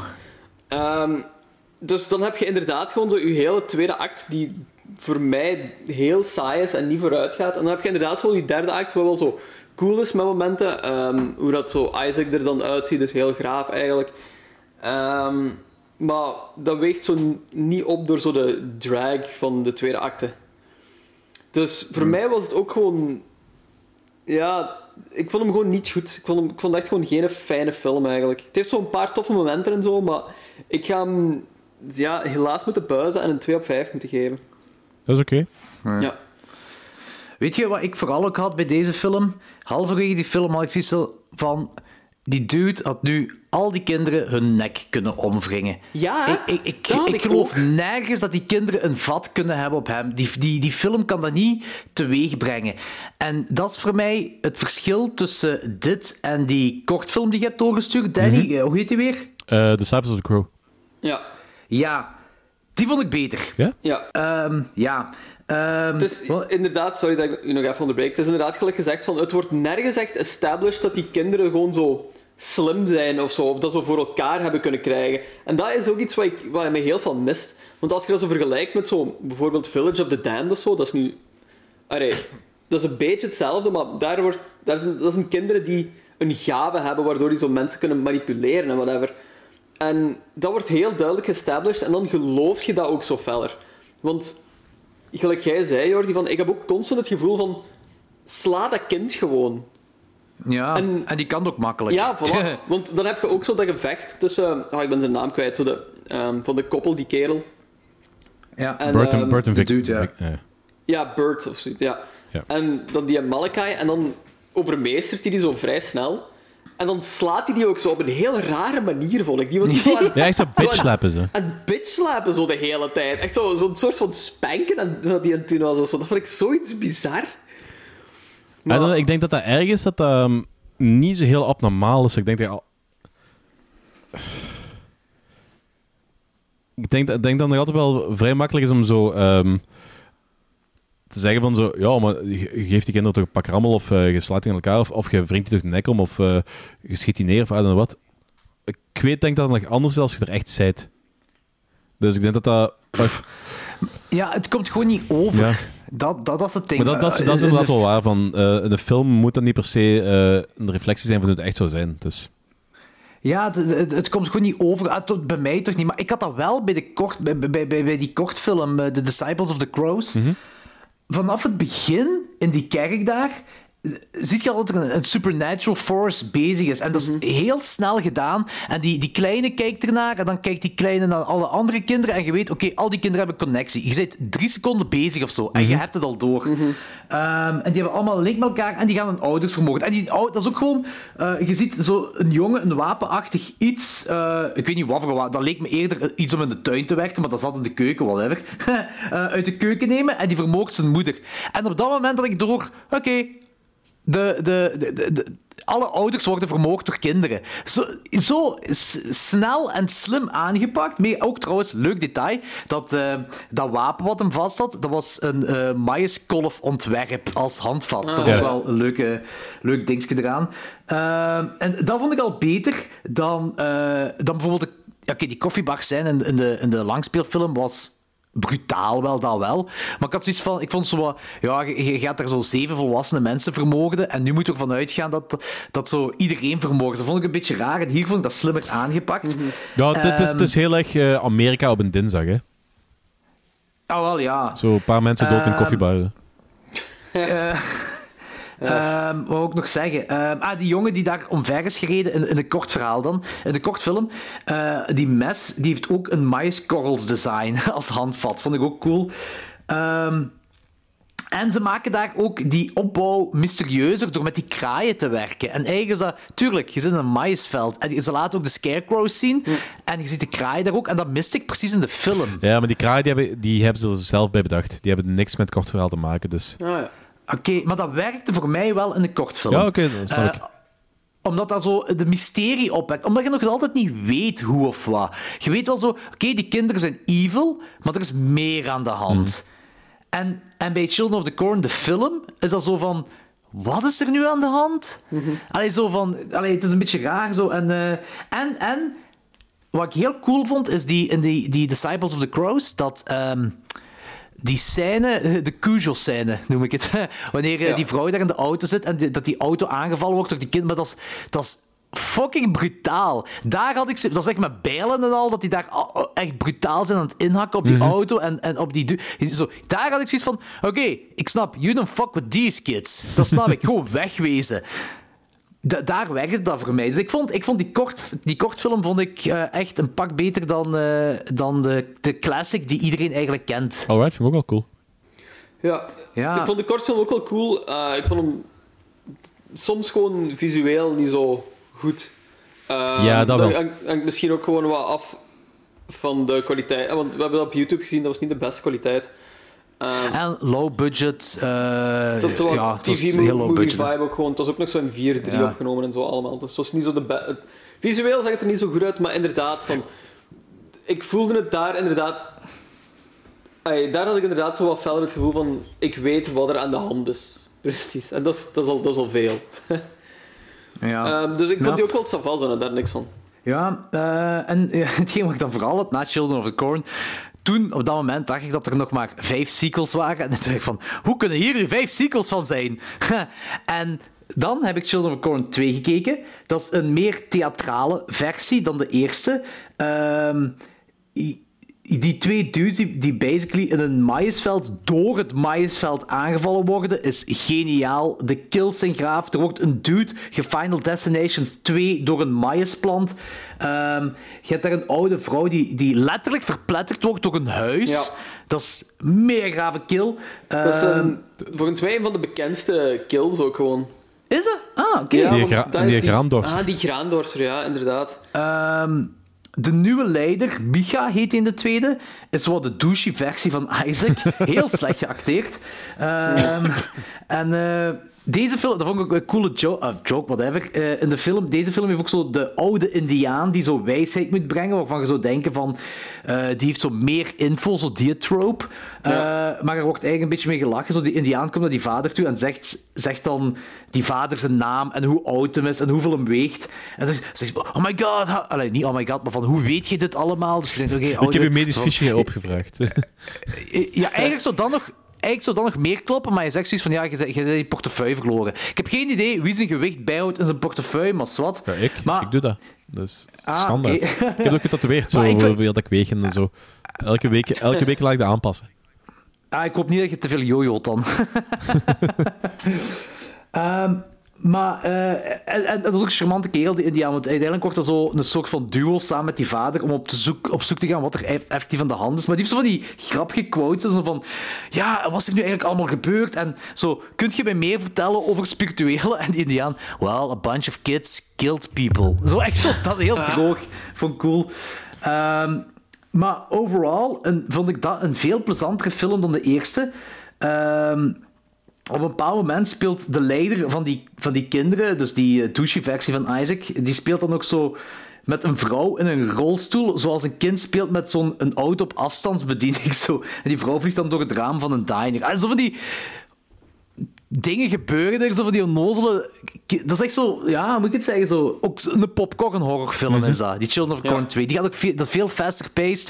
Ik vond die veel plezanter dan de eerste. Popcorn, popcorn tv horrorfilm. Ja, ja zeker. Het, het, het, ik, ik veronderstel heel die franchise-tv-films zijn. Buiten ja, de reboot kan me, kan me, voor, ik kan me dat niet voorstellen. Ik denk dat die, die, die, die laatste reboot van vorig jaar, dat dat ook wel... Ook tv. Ook tv. Het verhaal en de poster ziet er al heel erg tv-film uit. Ja, dus, het ziet er niet zo goed uit. Ja. Maar in ik denk geval... dat ze met, met die reboot van 2009 hebben ze al geprobeerd om daar terug uh, iets serieus van te maken, maar dat is ook gefaald. Hè? Ja. Um, wat ik gewoon wil zeggen is in verband met de films. Um, ja, oké, okay, ik heb nog een aantal andere sequels in het verleden gezien, maar daar kan ik niks meer over zeggen, omdat ik het gewoon niet meer herinner. Ja, dat is wel lang geleden. Children of the Corn 2, oprecht plezante film. En The Disciples of the Crows vond ik ook echt leuk. Uh, maar Children of the Corn, de, de, ja, ik vind het raar dat dit een klassieker is, eerlijk gezegd. Ja, ik, ik snap het ook niet, eerlijk gezegd, maar bon. Ja. Ja. Maar nu, uh, Danny, uh, qua uh, verschillen met het boek, ehm, want dat is een kort verhaal, hè, zeg je? Yes. Dat is volgens mij een van de allereerste van die 1 dollar uh, verfilmingen. Ah, is die, dat? Van die dollar, die dollar babies. Dollar babies, ja. Kent je het concept van, kent het concept van de dollar babies, Jordi? Ja, ja, tuurlijk. Uh, dat, uh, dat je de rechten kunt kopen voor een dollar. Om ja, de film te maken. De Stephen King verhalen. Ja. Dat is, dat is echt typisch voor Stephen King trouwens. Zo, ja, ja alleen Stephen King, inderdaad. Ja, voor, de, voor Stephen King inderdaad. Mm -hmm. um, maar, dus daardoor zijn van, van bijna al zijn kortfilms zijn ook... Uh, van al zijn kortverhalen zijn ook zijn ook wel één of, één of meerdere verfilmingen, dus dat is wel cool. Gaat die kort wel, de Disciples of the Crows, gaat die, uh, komt die overeen met, met het verhaal? Uh, ja, kijk, uh, daar van die kraaien, dat is erbij gehaald. Oké. Okay. Dat, heeft, ja. dat, heeft dan, dat heeft dan niks mee te maken. Er komt, komt volgens mij geen enkele kraai voor in het kort verhaal. Um, ja. En ook op het begin dat uh, Bo uh, Trouble Trouble, Boil and Bubble, uh, die soep aan het maken zijn. En alle scènes waar dat kinderen voorkomen tot de confrontatie, dat is er ook bij bedacht. Oké. Okay. Uh, voor de rest komt er wel vrij goed overeen. Ah, je buiten het einde, wat net zoals het einde van um, Children of the Corn verschilt van het einde van het verhaal. Ah, het dus, ah oké, okay, dus dat verschilt met het verhaal. Ja, de, de eindes okay. zijn bij, alle, zijn bij kort verhaal, zijn bij uh, Children of the Corn en bij Disciples of the Crow zijn allemaal verschillend. Ah, oké. Okay. Uh, en bij de film is dan uh, het de helderziende tekende kind is er dan yeah. bijgehaald. Uh, en dat is dan basically gedaan om de film te kunnen verlengen. om het verhaal te kunnen ja, verlengen. Kijk, het kort verhaal is letterlijk gewoon... Koppel rijdt naar Nebraska. Koppel rijdt iemand neer. Koppel rijdt naar Gatlin. Koppel doet onderzoek. Koppel komt kinderen tegen. En de finale. Ah, oké. Okay. Okay. Je ziet echt niks van die kinderen tot echt de laatste paar pagina's. Dat is ook wel interessant eigenlijk. Ja, dat is ja. wel cool gedaan. Dus, en dan, dan zo, die, die suspense ook veel harder, want je, hebt zo, je bent al niet zo uh, constant afgezwakt door een of andere ginger die slecht acteert. Hmm. want dat, dat, dat, moet ik eerlijk toegeven. Dus... Malakai! Malakai. Ik vond, ik vond, ik vond het wel kei grappig. Van de eerste keer als ze zo... Uh, uh, als die Burt dan zoiets aan die eh, Job vraagt van, wat is er toen gebeurd? Ja, Malachi killed him. Ja, wat is er gebeurd? Ja, Malachi. Wat, is- wat gebeurt? Malachi. Malachi. Malachi heeft alles daar gedaan, ja. Dat is wel... Hij Ja, oké, dat is goed. Zucht. Hoeveel geeft jij de film? 3,5. Eh, ik geef hem 3,5. En hoeveel zou je, ah, moest je het boek een score geven op 5? Eh 4. 4, oké. En de, de kortfilm? Disciples of the Crows? 3, omdat ik vind, ik vind die cool, maar ik vind Ah, zo... ehm, ik vind die zo iets uit... het is natuurlijk, het is low budget, het is, zo amateur, het is wat Ja. amateuristischer en ik vind dat wel een beetje van afstralen. Ik vind, dat, ik vind, ik vind het heel cool gedaan, ik vind het heel knap gedaan. Maar ehm, Low budget, made for TV, inderdaad, ja. Mm, ja. ja, made for YouTube, maar dan is nog geen YouTube. Ja, zoiets, ja. ja, oké. Ja, inderdaad. Dus, maar, ja. Ik vind, ik vind dat plezant allemaal. Oké, ja, ja nee, maar daar is niks mis mee. Hè. maar ik ben, ik ben ook blij dat we het eens over Children of the Corn hebben gehad. eh, op een fatsoenlijke manier. Eh, en Ja, we ik hebben daar nooit over gehad, hè? Ja, we hebben dat één keer aangekaart toen de captain zei van ik ben al gestopt met die franchise te kijken halverwege de eerste film. Ja. Eh, dat is de enige keer dat we het erover gehad hebben. En dat is toch wel... Het is een classic, hoe je het keer of draait. Mhm. Dus eh, ik ben wel blij dat we het erover gehad hebben. Nu, Maar die soundtrack vind ik ook wel heel erg goed. Dat die ik ben ik al zeggen. compleet vergeten. Dat is zo ehm, die, ehm, die creepy eh, hoge vioolgeluidjes met zo die kinderzang ertussen. Ah. Oh ja. Ja, dat is wel cool. Dat is wel cool. Oké, goed. Mega cool. Eh dit was de eerste keer dat we Danny's Boekenclub hebben gedaan. Ehm, Alright. Nu... Ehm, dus ik moet beslissen? Ja. Oké, jullie gaan tegen de volgende keer Vampire in Brooklyn kijken. Ah, zalig. Heeft die, is die gebuist op Rotten Die Tomatoes? heeft eh 12% op Tomato Meter en 31% op Audience Score. Dat is een VT4 klassieker. Ja? Alright. Oké, cool. Ik ben psyched. Is goed. Ik ben psyched. Oké, Ik, heb- cool. ik, heb, ik, Vol- heb die al, ik heb die al drie maanden klaar liggen of zo. Oké, ik, ben, ik ben echt psyched. Dat is goed. Ehm, Oké, volgende week terug met de kaakslag. Eh, Danny's keuze, Vampire in Brooklyn.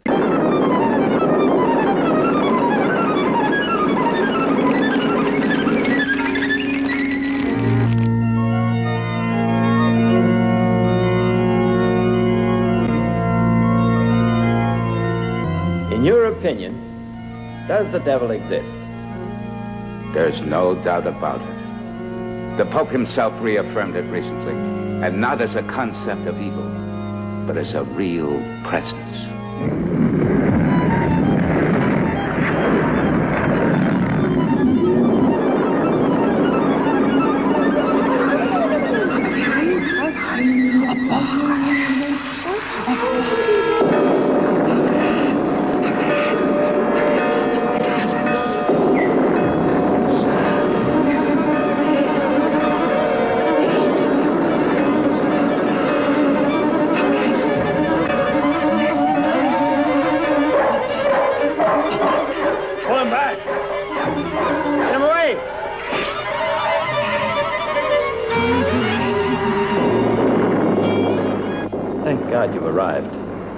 Runs away the night she enters the convent and joins a sect of devil worshippers.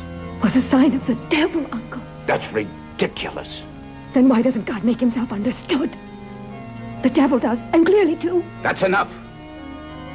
That's blasphemy. Goed. The Antichrist uit 1974. L'Anticristo. Geregisseerd en geschreven door Alberto De Martino.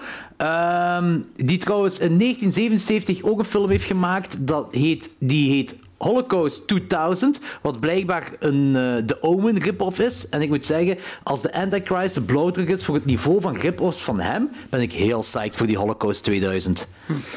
Eh, eh, spoiler. Eh zwart. eh, cast. Carla Gravina speelt Ippolita eh Oderisi. Mel Ferrer speelt Massimo Oderisi. Arthur Kennedy speelt Bishop, ehm, of eh, Bisschop Assanio Oderisi. Ah ja, het is allemaal familie van elkaar.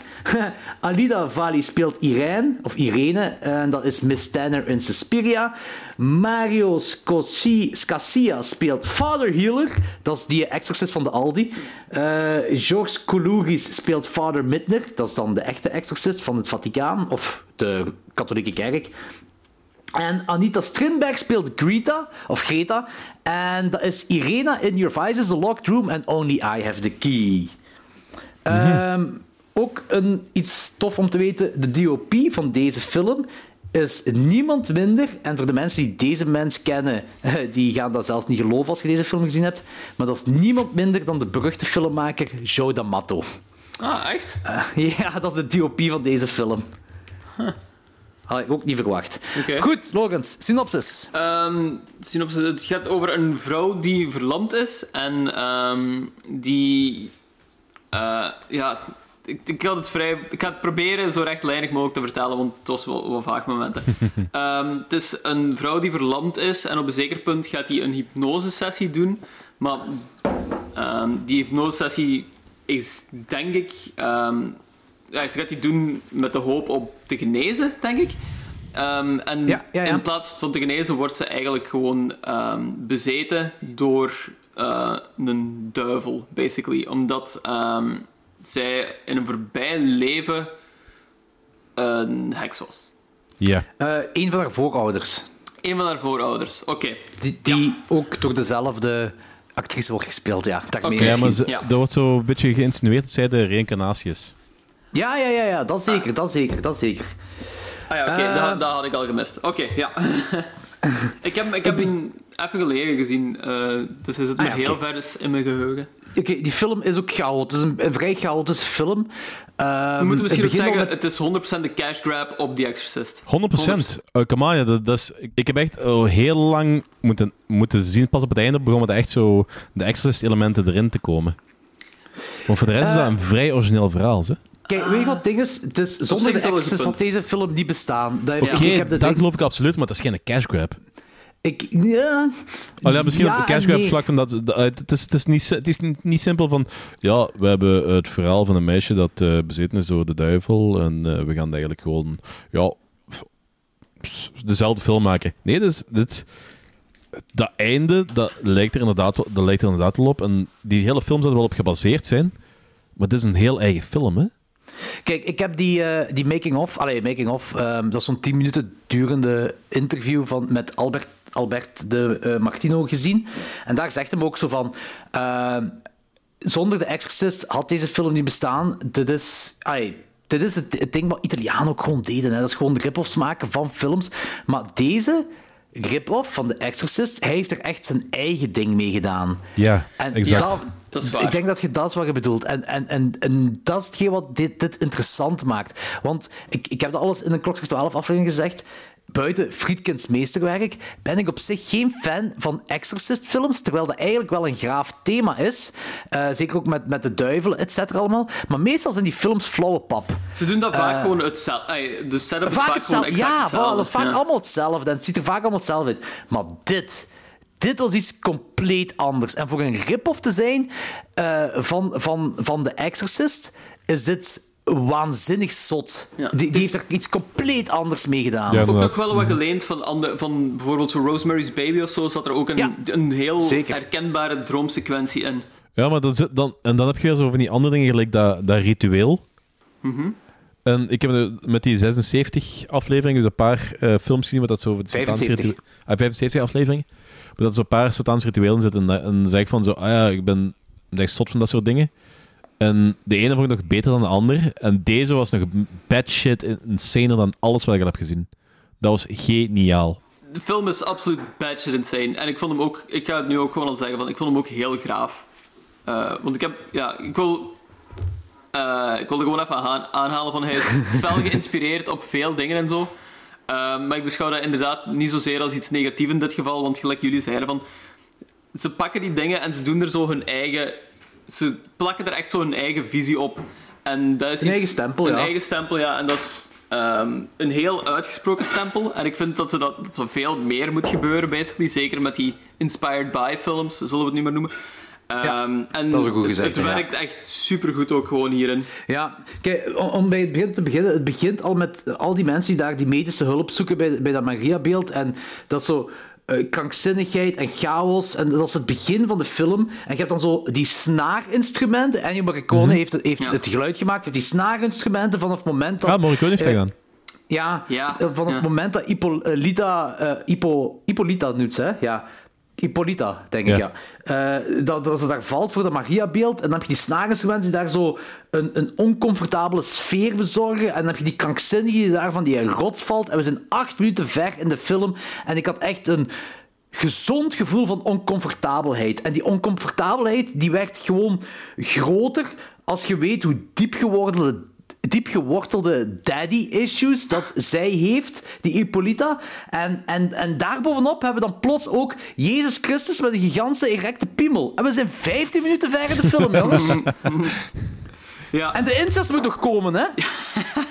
Ja, eh, ik wil ook even verder gaan van op ehm, zo het geluid van Ennio Morricone. Dat blijft ook zo doorheen heel de film heel goed werken en heel aanwezig zijn ook. En dat is ook iets wat er zo typisch is aan ehm, de originele Exorcist dan eigenlijk. Wel, is dat het geluid gewoon op een heel originele manier eh, aan die film is eh, toegebracht. Gelinkt, ja. En eh, daar zijn ze, toen waren ze ook gewoon heel inventief geweest met welke geluiden en zo ze gaan gebruiken om u, om u als kijker toch maar zo'n oncomfortabel mogelijke ervaring te geven. En ik heb het gevoel dat ze dat hier ook in hebben gedaan, maar nog een beetje op een andere manier, door eigenlijk gewoon zo minder subtiel om te springen met het geluid, maar gewoon zo intens en scherp en zo daarmee eh, aan de slag te gaan. En ik vond ook dat dat gewoon heel goed werkte, want Ja, het voelde zo wel aan, gelijk zo... Als je zo Uncut Gems kijkt, je kunt die zo niet op je gemak voelen op eender welk moment. De oncomfortabelheid, Ja, hè. dat oncomfortabel eigenlijk gewoon. Ja. En de, ja, dat voelt je hier ook gewoon constant in, doorheen heel de film. Ja, en er zit ook diepgang in. Ook zo in die Hippo- Hippolyta, haar personage, die, eh, die laat ook zo weten dat zij interesse heeft in romantiek, terwijl er nog nooit een, een kerel interesse in haar heeft getoond. Eh, en ook haar onkel die dan tegen de vader zegt van dat, ze haar, dat ze in het oog gehouden moet worden, omdat ze waarschijnlijk wel een mentale issue heeft. En er zou verlatingsangst kunnen zijn, omdat hij dan samen met Greta is. En zo stilletjes aan komen we ook zo te...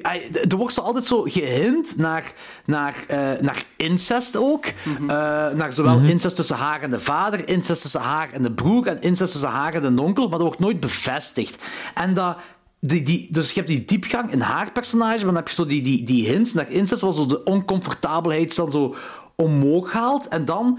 ehm, eh, ja, om, eh, dat ze dan eh, willen allee, haar beschermen ook. Ook zo in verband met verlatingsangst, et cetera. Allemaal. En ik denk ook inderdaad om haar te genezen van haar eh, verlamming in haar benen, schakelen ze een parapsycholist in. Eh, wat heel raar is voor iemand met verlamming om Ja, zoiets in te schakelen. Maar via hypnose komt zij, en wij eigenlijk als kijker zijn er dan ook, te weten dat haar voorouder een, een, een heks is. Of ja, nee, zij, nee, wat haar voorouder, zoals ik het heb begrepen, is haar voorouder een, een heks of een vrouw die dan eh, beschuldigd was van hekserij eh, door de Inquisitie en uiteindelijk verbrand ook op de brandstapel. Maar gewoon die hypnose en, en dat ze die, die, hoe moet ik het zeggen, flashbacks of zo heeft van, van, van, van haar voorouder dan. Ja. Die omgeving eh, van die kooi, die cirkel daar, zo, waar die heks in zit. Cinematografisch is dat gewoon magnifiek, toch? Visueel absoluut meesterwerk, vind ik. Ja. Ja. heel origineel, ook gewoon met zoveel shots. Eh, elke, elke scène had zoiets van, ah ja, dat heb ik nog niet eerder gezien in een film, precies. En als een film dat kan doen, vind ik dat heel indrukwekkend. Ja, en dan ook nog een van 1974. En ook zo het gebruik van greenscreens, ook zo 1974. Hè? Ook zo wanneer ze daar in, in, haar, in, in haar slaapkamer zit en die, die, de, de kerkklokken beginnen te luiden. Eh, en dan gaat zij, kleedt ze zo, zo haar dingen, haar badjas doet ze dan uit, is ze compleet naakt. Die, haar muren worden zo wolken. Hè? Ehm, hadden jullie dat ook gezien? Nee, dat dat heb ik zo gemist, die, precies. in haar kamer wordt echt zo, die muren worden wolken. Dat is echt zo allemaal greenscreen, maar dan 1974 greenscreen. En dan gaan we over naar ehm, die eh, satanistisch ritueel, wat zo eh, ook een orgie-achtig iets is. Dat is het Ja, ding. zo, dat- let- letterlijk een Kiss the Goat. Zo. ja, ja, Ja, ah, wel, inderdaad. ja, inderdaad. Waarbij, dan ook, waarbij, ze dan ook, waarbij die voorouder dan ook nog een kikkerkop moet eten. Ja, voilà, wat er heel graaf uitzag, eigenlijk. Heel goor. Ja, en ook cool gewerkt met kleuren, want je hebt dan zo die... Wat eigenlijk, eigenlijk is dat een, een flashback van... eh, want ai, zo heb ik dat opgenomen, want ehm, je ziet haar, dus... Zal we zeggen, de heks ziet je eerst in de kooi, dan, dan krijgt ze haar, haar rechtszaak. Dan daarna zien we haar in, die, eh, in dat ritueel. En dan daarna zien we haar terug in de kooi met kort haar. Dus ik heb eruit afgeleid dat dat ritueel eigenlijk voor de rechtszaak werd gedaan. En dat het dan zo tegelijkertijd afspeelt met wanneer ze daar in bed zit, wanneer die kerkklokken luiden. Maar dat het eigenlijk ervoor afspeelt, omdat haar haar nog niet is afgeknipt. En, en vrouwen beschuldigd van hekserij werden hun haren afgeknipt. Ja. Mhm. Dus dat, dat speelt zich daarvoor af. Maar dat is allemaal blauw. Hè? Dus zo onnatuurlijk blauw. Iedereen ziet eruit gelijk smurfen. Ja. Hè? en tegelijkertijd, wanneer dat gebeurt, dus wanneer die geneukt wordt door die, door die geitenduivel duwt, ehm, wordt zij dan ook zo, zij voelt dat dan ook, dus eh Hippolyta, zij, zij voelt dat zelf ook allemaal. En zij, zit zo, zij is zo fel rood, zo Suspiria rood, zal ik Ja, maar zeggen. ja, ja. En Albert, Alberto de Martino had gezegd van dat het blauwe betekent bevrijdheid. En het rode, zoals dat onnatuurlijk allemaal is, het rode betekent ja, demones, duivels. En dat klopt eigenlijk daar ook in, hè, want zij ja, wordt bevrijd doordat ze dan ja, een soort van reïncarnatie of, of intreding in het lichaam van... Ik denk, allee, ik denk niet dat we allemaal letterlijk moeten nemen, maar dat, daar komt het toch wel zo'n beetje op neer. Zo, eh, zij treedt in het lichaam van Hippolyta, dat dan ook zo'n soort van reïncarnatie-achtig possession-ding is. Eh, wat het eigenlijk al heel origineel maakt, to be honest. Eh, zoiets. Eh, maar zij, zij, zij wordt daar zo, dat is een bevrijding voor haar, voor dan uiteindelijk na zoveel jaren daarin te treden. En voor haar, voor, voor Hippolyta zelf, is dat, ja, dat is demones, hè, dat, dat is het duivelse dan wat daar naar boven komt. En dat vind ik cool. Dat vind ik cool dat hij daarmee gespeeld heeft. Of eigenlijk, Joe D'Amato heeft daarmee gespeeld. Absoluut heel cool. Ehm, ja, cinematografisch is gewoon alles. Er zit gewoon een heel goede sfeer in elk shot, precies. En een heel specifieke uitgesproken sfeer. Want inderdaad, ik denk dat zo die orgie-scène of het ritueel-scène, dat was ook mijn favoriete stuk van heel de film.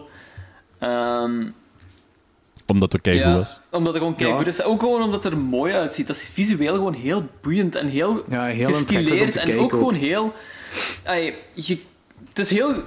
en ik zeg dat met aanhalingstekens. Het is heel gemakkelijk om zo'n scène er cool uit te laten zien, omdat je heel veel boeiende elementen hebt. Je hebt zo die Ja, kikker, eigenlijk zo- niet, want de, Nee, daar, de, de, Ja. heel veel films zijn dat zo heel clichématig. Gelijk zo die... daar, daar wil ik op komen, ja. eh, eh, ik denk, was Race with the Devil?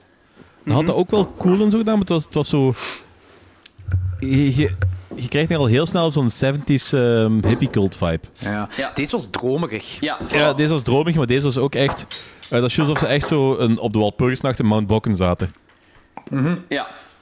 Oké, ja, daar wil ik dus ook een beetje naartoe voordat eh, jullie me onderbraken. Thanks, guys. Sorry, Jullie, sorry, sorry. jullie, jullie, jullie. Danny, ja? Wat verdoe Ja, jij, jij, jij, hebt, gezegd van... Ja, het is vrij makkelijk om dat te doen, om dat cool te maken, hè. Ik zo, Maar nee. ik was toch bezig? Ik was niet zitten. Ja, maar dat moet ik niet zeggen dat het vrij makkelijk is. Dan moet je zeggen, het lijkt vrij makkelijk om dat cool... Het is goed, jongens. We zitten op dezelfde lijn. Ja, We zitten op dezelfde lijn. Het is oké. Eh, want dat deed me ook wel op een zeker punt echt denken aan ehm, Lars von Trier zijn Antichrist eigenlijk.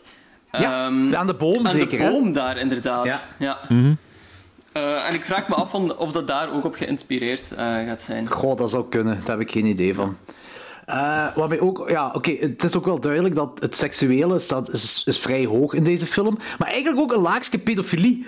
Gelijk, wanneer, eh, dus na, die, eh, na dat satanistisch ritueel, dan zit de, zal ik maar zeggen, dan zit de heks in haar, dan is ze bezeten. En gaat ze naar die kerk waar die schooltrip is. Die dude van die schooltrip die ze verleidt, die dude is toch een tiener, hè?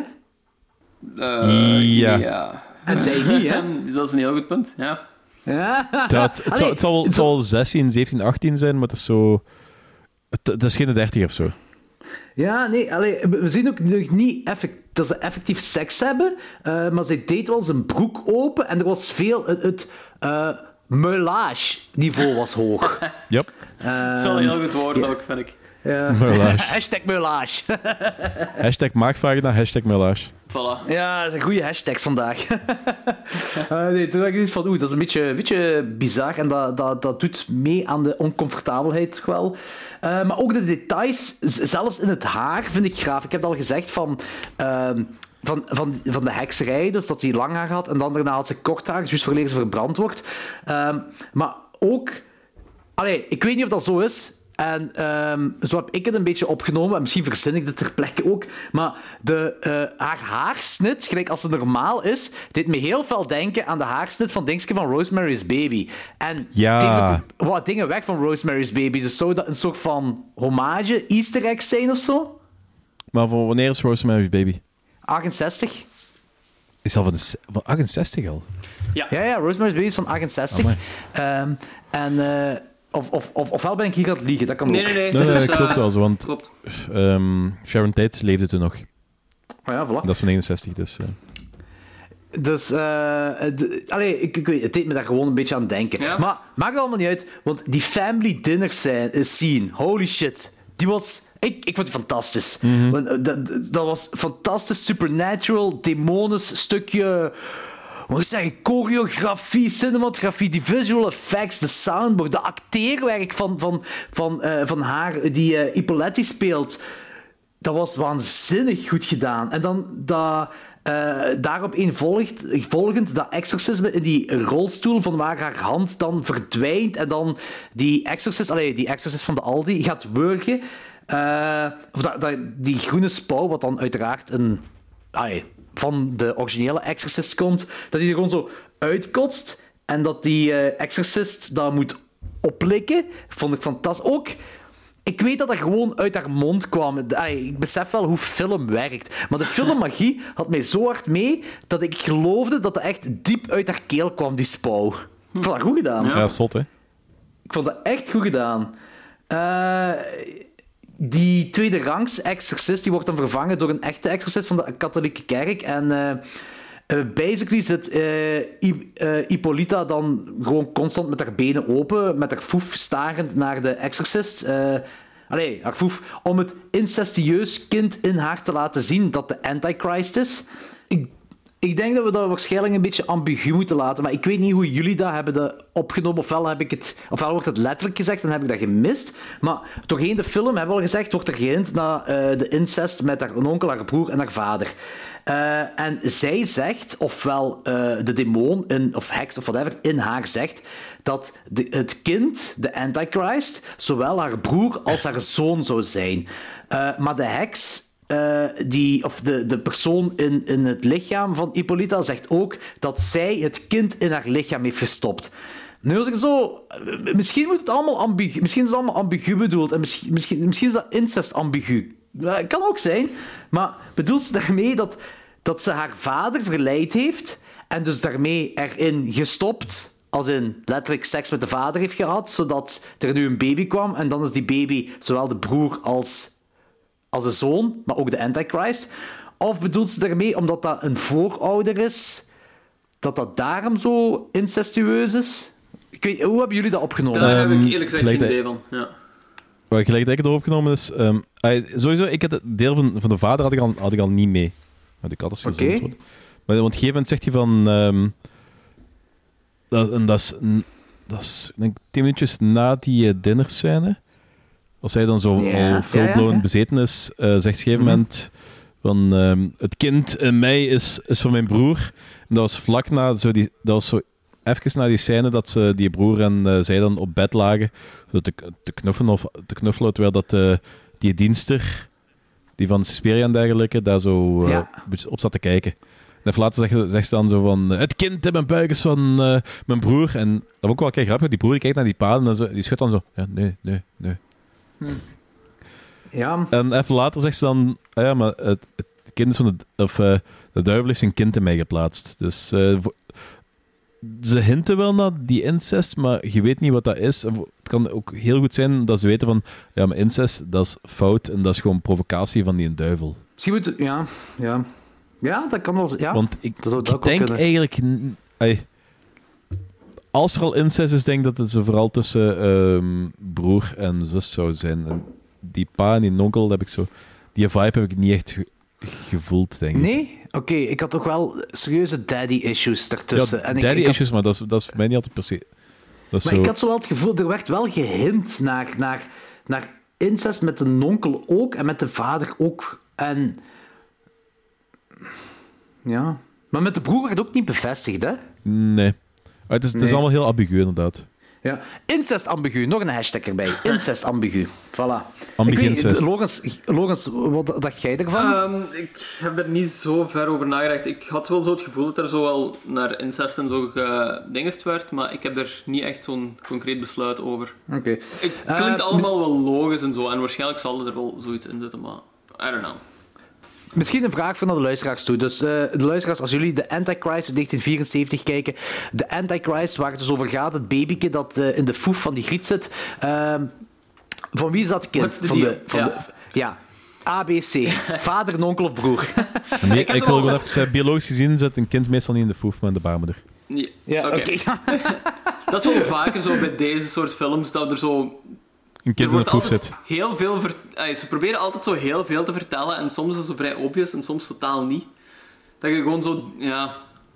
Het is moeilijk om Maar er meestal gewoon is het minder goed gedaan. hebben. Want ik vind, ik vind hier, dat, het is wel... Die ambiguïteit vind ik hier wel op zich vrij goed gedaan. Mhm, zwaar.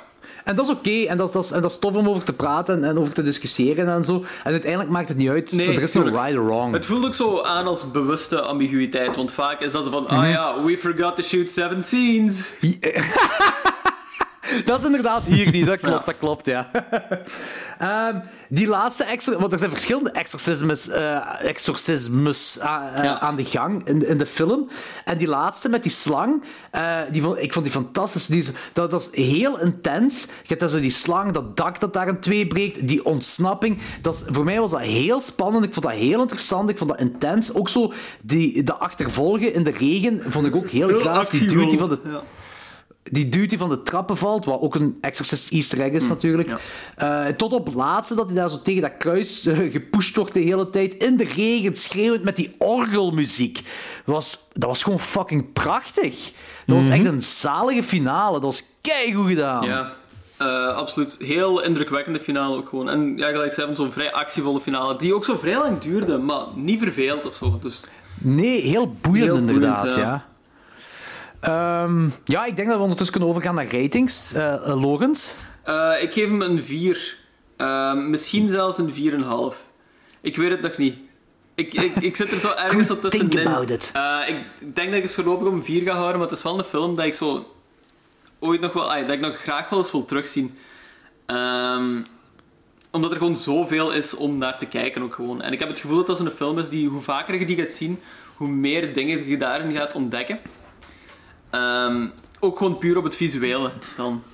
Ehm, omdat het zo Ja. een... Het is een heel bombastische film ook gewoon op dat gebied. En daarvoor alleen al vind ik hem echt ongelooflijk indrukwekkend en heel mooi om te kijken ook gewoon. En ehm, een sterke aanrader eigenlijk. Zalig. En jij, Danny? Ik heb eigenlijk knal dezelfde mening. Ook 4. Oké. Maar dus, ik twijfel ook naar 4,5, maar dus van, ik wil niet te snel naar 4,5 gaan springen. Omdat ik er nog over twijfel. Ja, ik, ik snap het. Maar ik snap mijn, het. Future Watch kan, er nog wel, kan, er, kan inderdaad nog wel stijgen. Ja, want ik heb zoiets van, geef ik die, wil ik die zo hoog rijden, omdat ik gewoon zo visueel heel veel onder de indruk ben? En is het zo een eerste pure gevoel wat ik daarbij heb? Of is dat echt gewoon doordacht gevoel wat ik heb? Goh, ja, Dus- je moet op je eerste gevoel... Ja, voilà, ik- ik vind dat dat is ook, wat ik vind doe. dat ook. Dat is wat ik doe. Allee, Maar dat is wat ik doe, hè. Ja, maar ik heb daar regelmatig dat, ik- dat, ik, dat ik een film kijk en dan na een tijdje, of zo'n half uur of zo dan na, dat ik dan nog wat dingen in, in mijn hoofd heb Mhm. ehm, overwogen en dan nog wat punten bij of eh, terug, eh, bijgeef of afhaal. ja, snap ik. Want, ik snap, ik, eh, want de, de, het eerste zich, of de eerste indruk is leidend, maar detailwerk kan verschillen. Het kan nog een beetje Dat variëren, dat maar dat is, dat, is, dat is nooit meer dan een half puntje. Be- ik, bij mij is een rating ook altijd een levend organisme. Hè. Ehm, voor mij, eh, de cinematografie, de muziek, de acteerprestaties, de visual effects, het decor, de incest. Ik vind dat prachtig. Ik, vind dat het ook prachtig. Ik vind, ik vind dat... Die, die, die gang van die beelden, van die koppen. Hoe zalig ziet dat eruit? Gelijk je zei, eh, Stuff for the Haunted Mansion, Danny. Het is zo fucking cool. Alles wat eraan is. Voor mij is dit een 4,5 op 5. En dat was de eerste watch al een 4,5 en nu is dat nog altijd een 4,5. Oké, goed. Ehm, ik, ehm, zodra ik verhuisd ben, ga ik de Blu-ray bestellen. Want als ik dat nu ga bestellen, dan gaat het zo binnen twee maanden aankomen bij nieuwe eigenaars van dit appartement. En dan ben ik mijn Blu-ray kwijt. Ja, dat snap ik. Nee, ik ben Kun je, echt, je niet, echt om kun je dat niet zo eh, laten opsturen naar eh, iemand anders? het nieuwe adres. Ja, maar dan komt hij misschien binnen Nee, nee, twee iemand weken. anders. ja. Ah ja, dat is, dat is inderdaad ook wel een optie, naar mijn ouders of zo. Ehm, of bedoelde je naar u en dat je van niks weet? Dat ga je dan hebben. Oh, nee, nee, dus, dus, in ieder geval, voor mij is het dan 4,5 op 5. Ik was echt omvergeblazen door de film. Ja, ik had het ook niet verwacht. Want ik weet dat, ik weet dat jij wel enthousiast werd, maar dat is zo van, ik ben altijd wel zo... Altijd zo was sceptisch over zo van die eh, Italiaanse rip-off dingen, ook al zijn mensen er enthousiast over. Tuurlijk. Als het over Italiaanse rip-offs gaat, moet je sceptisch zijn. Ik denk dat er ook meer slechtere zijn dan goede zijn. Hè? Eh, ja, ja, ja, oh ja, zeg maar zeker. zeg maar zeker. Eh, dit is ook zo de...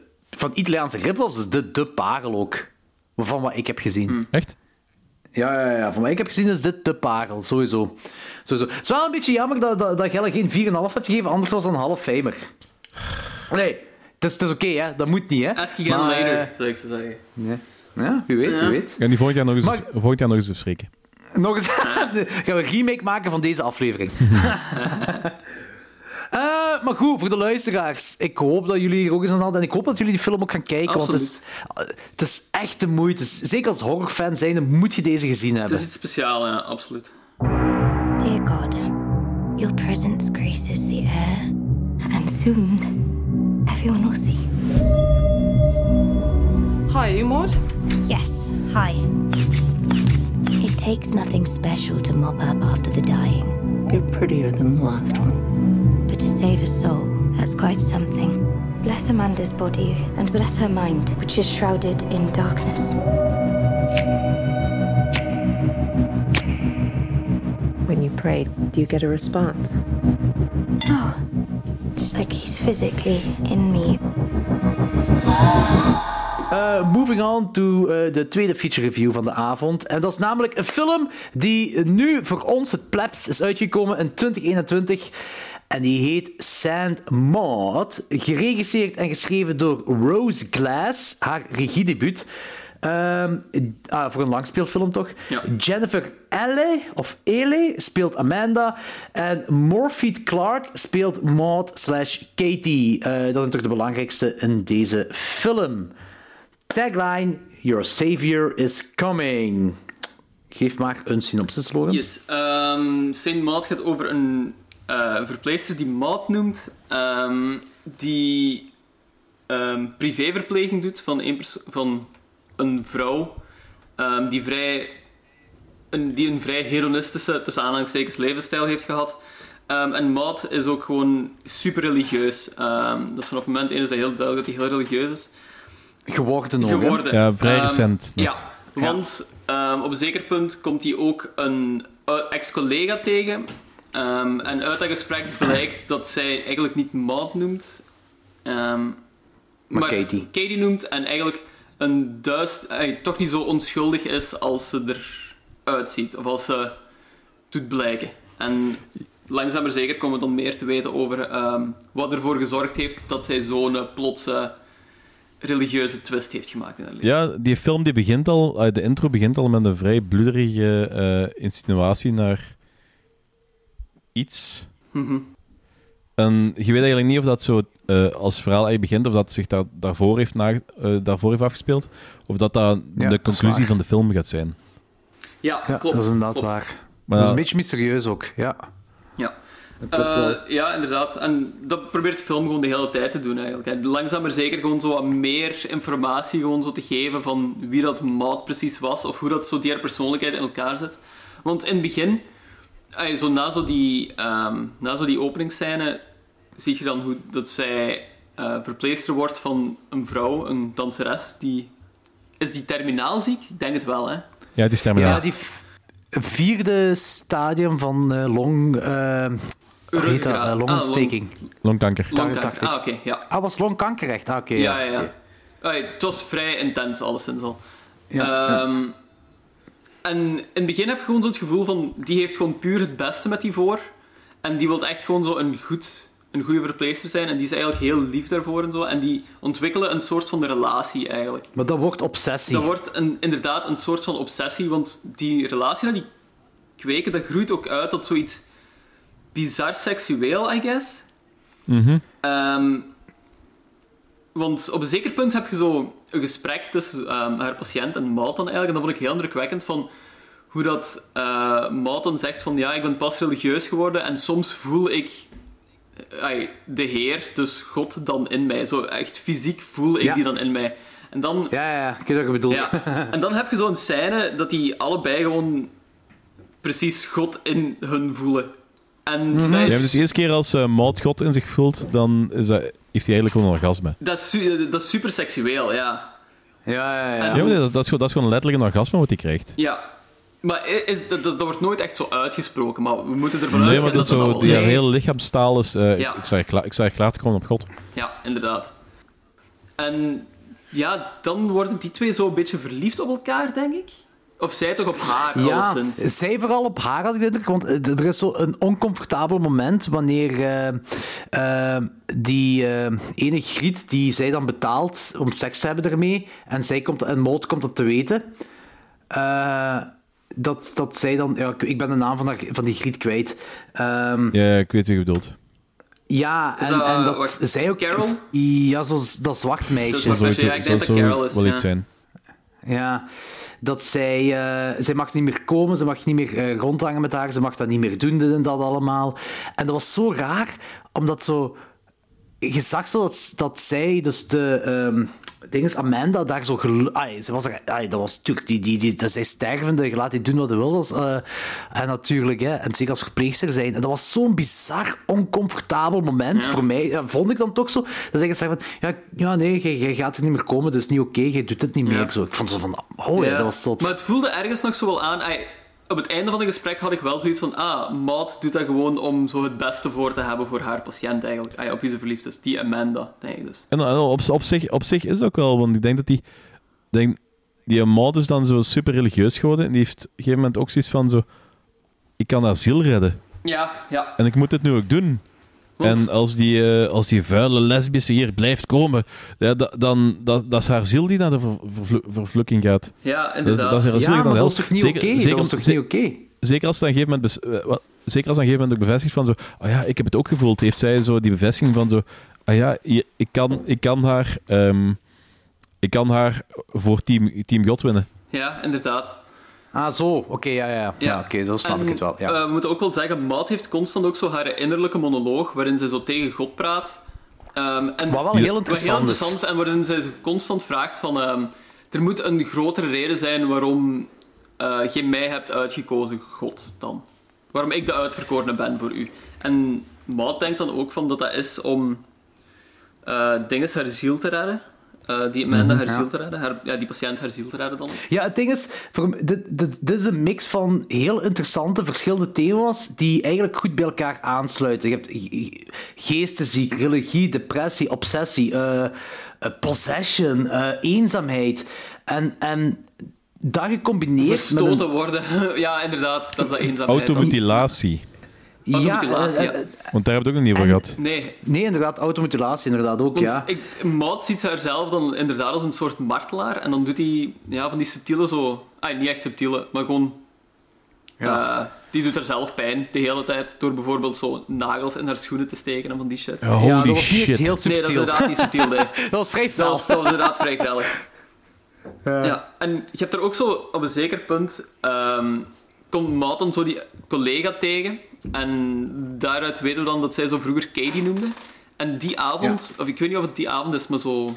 Alleszins kort daarna ziet je dat Maud haar zo opmaakt om naar een café te gaan. En daar gedraagt hij zich zo absoluut niet gelijk je verwacht dat Maud zich gaat gedragen. Daar was het terug zo Maar ook Katie weer, precies. oncomfort, ook weer oncomfortabel, hè? Oh ja, tuurlijk. Eh, Die gaat zo Heel alleen oncomfortabel, naar hè? het café, begint daar op haar eigen gewoon zo shots te doen en wil daar precies gewoon zo een, Vrienden maken, zo? of een klik maken met iemand. Ja. Maar ja, hoe doet hij dan? Die doet dat door gewoon zo'n kille... ha- Mee te lachen. Ja, mee te lachen en een kerel een kille handjob te geven op het toilet. Ja, maar dat, dat was... Maar, d- ja, dat, dat- maar allee, oké, ja, dat, dat, dat, kan ik nog ergens plaatsen. Eh, Geilheid of whatever. Allee, weet ik veel. Maar gewoon hetgeen wat ervoor gebeurde met die vriendenkring of vriendengroep of whatever. En die zijn onder... Je moet dat gewoon eens je zit zo met je vrienden op... Ja, je zit met je vrienden op café. Weet je nog, zo pre-covid café en zo. Je zit met je vrienden op café en plots is er zo'n griet aan het einde van de tafel. begint zo mee te lachen. Met zo'n conversatie. Maar zo op een heel oncomfortabel... Dat was echt zo van, what the fuck? En dan, ja, oké, die handjob inderdaad Ja. zo. Ja. Want ik, Ja. ik heb, ay, met heel die scène heb ik gewoon constant het gevoel dat zij ergens gewoon een band probeert te zoeken met iemand, omdat ze gewoon zo super Ja. eenzaam is. En zij probeert dat op gewoon zo elk verschillende mogelijke manieren te doen. Door gewoon zo seks te hebben met iemand, door inderdaad gewoon zo raar mee te lachen en dan denken van, ah, dan val ik misschien op en kan ik meedoen met die of zo, of kan ik de klik hebben met die mensen. Want zij belt daar dan ook ehm, in, de caf- in de café als zij zat is naar die collega van, hey, heb je geen zin om nog iets te gaan drinken of zo? Dus zij is echt zo heel wanhopig op zoek naar gewoon zo een menselijk gevoel, heb ik de indruk. Ja, ja, inderdaad, dat klopt. Daar heb je 100% gelijk Ze in. eindigt dan ook, eh, ze eindigt dan ook ehm, door seks te hebben met nog zo'n andere kerel. Met flashbacks van, eh, uit, zijn, eh, uit haar past Ja, dan, hè, ja. tijdens dat ze seks Ja. heeft. Dan, eh, het moment dat ze gekraakt is, eigenlijk. Dat, het dat moment voelde- dat ze... Dat deed me denken aan een zekere scène van The Thing ook. Ja, inderdaad. Ja. Alleen, alleen had je niet zo ja, het ding van de nee, ting. Nee, nee, nee, inderdaad, inderdaad. Ja, en daar wordt ze dan ook zo maar- semi... ja, nee, ze wordt daar, daar ook zo verkracht, wat heel... Ja, dat vond ik heel bruut. Ja, dat was niet subtiel, dat was ook niet subtiel. Nee, dat was inderdaad ook niet subtiel, nee. Ehm, hetgeen wat, wat ik ook nog de. Wat de luisteraars die de film nog niet gezien hebben, ook misschien moeten weten... Dit is een, dit is een film die niet lang duurt, nog geen 90 minuten, maar het is wel een gigantische slowburn van formaat. En ik had het gevoel dat de horror, de evilheid in de film, pas na een goeie drie kwartier, 50 minuten aan te pas kwam. En dat het op de eerste laag... Eh, en ik bedoel dat zeker niet negatief, absoluut niet. Hè? Maar dat de eerste laag eigenlijk een, meer een, slow burn drama is. Ja. Eh, met, met wat hinten horror eh, dan. En dan bouwt zich zo op, stilletjes aan. En pas na drie kwartier gaat dat zo wat feller er naartoe. Het, het is 100% de A24-film. ook gewoon, ja. Ja, ja. Onder, stilistisch heel mooi en zo langzaam, traag. ehm constant Is het A24? Ja. Ja, het is A24. Constant een gevoel Ah, hebt dat er zo iets meer aan de hand is en zo. Dat zijn allemaal zo heel typische A24 thematics eigenlijk in films. Dus dat voelt je wel. En het is inderdaad wel zo'n slow burn, ja. Maar die, die op, eigenlijk voor mij niet verveeld heeft. Omdat ik zo het Maud-personage wel heel boeiend vond. En ook hoe dat hij dan... eh, constant... Ook hoe ze dat speelt, Ja, ja ik. voilà. En hoe dat hij dan zo die gesprekken had met God, of zo die innerlijke monologen had dan met God en zo, vond ik eigenlijk heel interessant altijd. Dat, dat, dat, dat is hetgeen... eh, Ik, denk dat dat de key was van deze film, om het interessant te houden, de- om dat slow burn gedeelte toch interessant te maken. Dat had ik toch in ieder geval. Eh, die innerlijke monologen dat ze de hele tijd had. Ja, ja, ja, inderdaad. En wat ik ook heel graag vind, de... eh, hoe moet ik dat... Ehm, Oké, dat is spoiler, dus ik ga dat eruit piepen. Dat is gewoon voor jullie. Eh, De change of antagonist. ehm, hoe moet ik het zeggen? Eh, in plaats van... Ja, Wow, da- die, daar heb ik... ja, maar dat is... En dat is ook zo'n beetje hetgene waar de films naartoe gaat, van... Is het echt in haar hoofd, of is het ook gewoon zo een soort van posttraumatische... Eh, wat denk jij dan? Ehm, ik denk dat het gewoon allemaal een... Dat wordt voor mij bevestigd op het allerlaatste moment. Als je dan ehm je climax hebt waarin ze zo naar het strand gaat. Ja, nee, dat is waar. Dat is waar. Ja. En dan zitten ze op het strand en ze zien... Zij Ja, en als ze daar gestopt waren, dan was het voor mij inderdaad heel ambigu geweest. Maar daarna heb je nog zo één frame. En dat vond ik een heel jammere keuze om die frame daar eigenlijk gewoon nog in te steken. Ja, maar uiteindelijk, ja, je kunt het opnemen gelijk... Allee, je, kunt daar, je kunt er ook verder in gaan. Hè. Het- Ja, maar Ja, en dat is misschien wat de mensen zien die er rondstaan, hè. Ja. Ja, maar die mensen die er rond staan, die vallen ook zo in awe neer voor haar, hè. Ja, maar dat is wat ze... Ja. Dus ik denk dat zelfs dat kun je ambi- ambigu beschouwen. Dus- Ja, Volgens, voor mij is dat eigenlijk is dat nogal. En plus daar in het café hè, met die donderwolken en die, eh, eh, in dat bier en zo, die, die kolken en zo, en dat begint dat te ontploffen en zo. Eh, Nu, ik, ik had daarna had ik, eh, allee, na die scène, weet je wat ik bedoel Ja, met ja, die kolken? het. Ja, ja. Ah, wel, het eerste wat ik dacht van, holy shit, de mensen reageren erop. Eh, op die dingen dat ontploffen, zo die, die, die spatters dat ontploffen en zo. Maar dan daarna was ik aan het nadenken van, misschien is dat ook gewoon zij die die, die bierglazen omstoot en zo van die dingen. Zo- Dus, maar dat, dat weet ik niet, of dat, is dat bevestigd, is dat niet bevestigd? Dat, dat weet ik dus niet. Zo interpreteerde ik het ook. Maar wordt het bevestigd? Het wordt inderdaad nergens niet bevestigd, bevestigd. En Ja. Ik, had- ik had dus met die, met die cafés zijn had ik zoiets van, oké, die mensen reageren op eh, ehm, eh, de, de, de spetters van, van, van die dingen die daar ontploffen allemaal, die, die bierglazen en zo. Eh, dat, dat, leek alsof ze daarop reageren. En juist wanneer die scène gedaan was, maar ik zeg, ik heb die één keer gezien, die film, dus het kan zijn dat ze, dat, dat, dat, dat ze dat het beter overkomt alsof ze reageren op haar. Dat kan ook wel zijn. Maar toen op dat moment dacht ik van, die reageert daar precies op, dus er is meer aan de hand. Ehm, de, alles wat we Supernatural zien, dat ben ik wel zeker, dat sowieso. Alleen, op een bepaald moment is ze in de slaapkamer, dat ze zo achteruit gaat en zo'n monsterlijk gezicht heeft ook. Bij Amanda? nee, was het daar zo in het Eh. begin? Nee. Nee, nee, nee, nee, op het einde. Op het einde, en Amanda reageert daar ook op. Ah, ja. Maar dat is, ja, dat is ook weer zo van...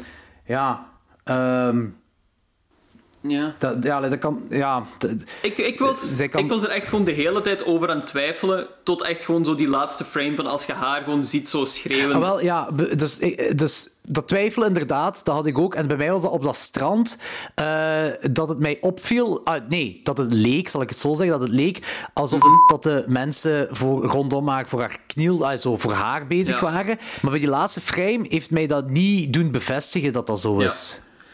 Ja, oké. Ja, bij, bij mij wel. Omdat ik, ik heb zoiets van, waarom steek je dat er anders in nog? Wat denk jij, Danny?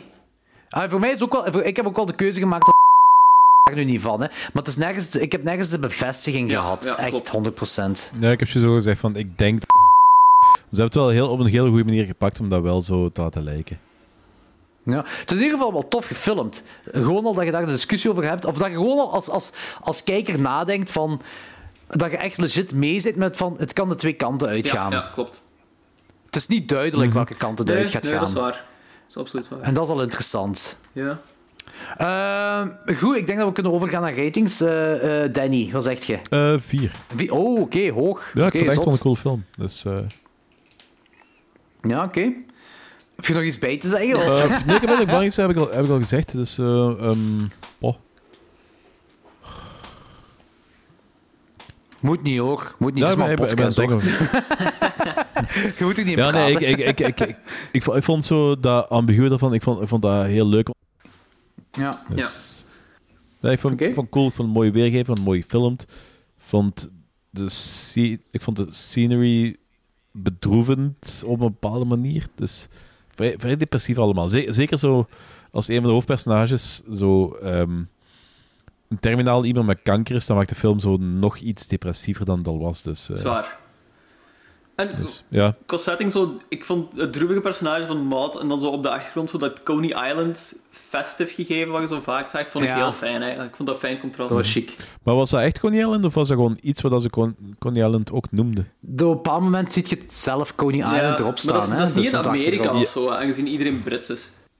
Ja, maar dat, dat was mijn vraag, want je zag dat ze Coney Island opstaan, maar dat, eh, je hebt waarschijnlijk hier aan de kust heb je ook wel ergens een of andere speelhal Ja. die Coney Island heet. Ik, denk- ik denk Dat- dat dat dat, is niet- zoiets Ja. gaat zijn, ja. Want dat is niet Coney Island, hè? Want Coney Island dat is, Nee, dat is, ja, inderdaad. Dat is dat is, meer, dat is New York. New York, ja. Ja, ik denk dat dat ook gewoon Eh. zoiets gaat zijn, zo'n pierstadje of zo. Want dit was niet New York, Ja. toch? hè? Nee, nee, nee, nee. nee. Oké. Maar het, eh, het komt er wel op neer dat dat zo... het staat voor hetzelfde. Nee, zo, voilà, hè. dat denk ik ook. Ja. Daar komt het op neer. Ook een beetje een hedonistisch gegeven, I guess, omdat iedereen daar is voor vertier en whatever. Ja, het is dat. Eh, en jij, Logans? Ehm, ik geef hem nu een 3,5.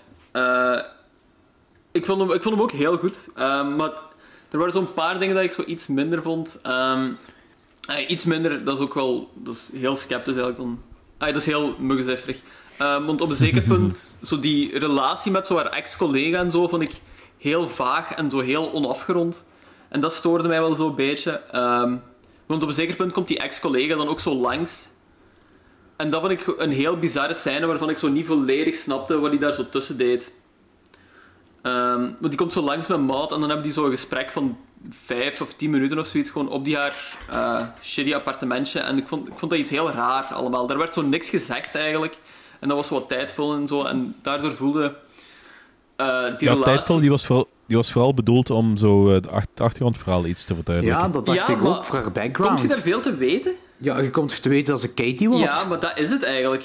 En dat wisten we Ja, eigenlijk al. Ja, en, en dat, dat, ja, ah, ja oké. Dus, dus dat, de, de pacing is natuurlijk wel een heel trage pacing. Ja, en ik denk dat Zou me dat- dat gewoon op, op, in die specifieke scène mij gewoon zo feller opviel.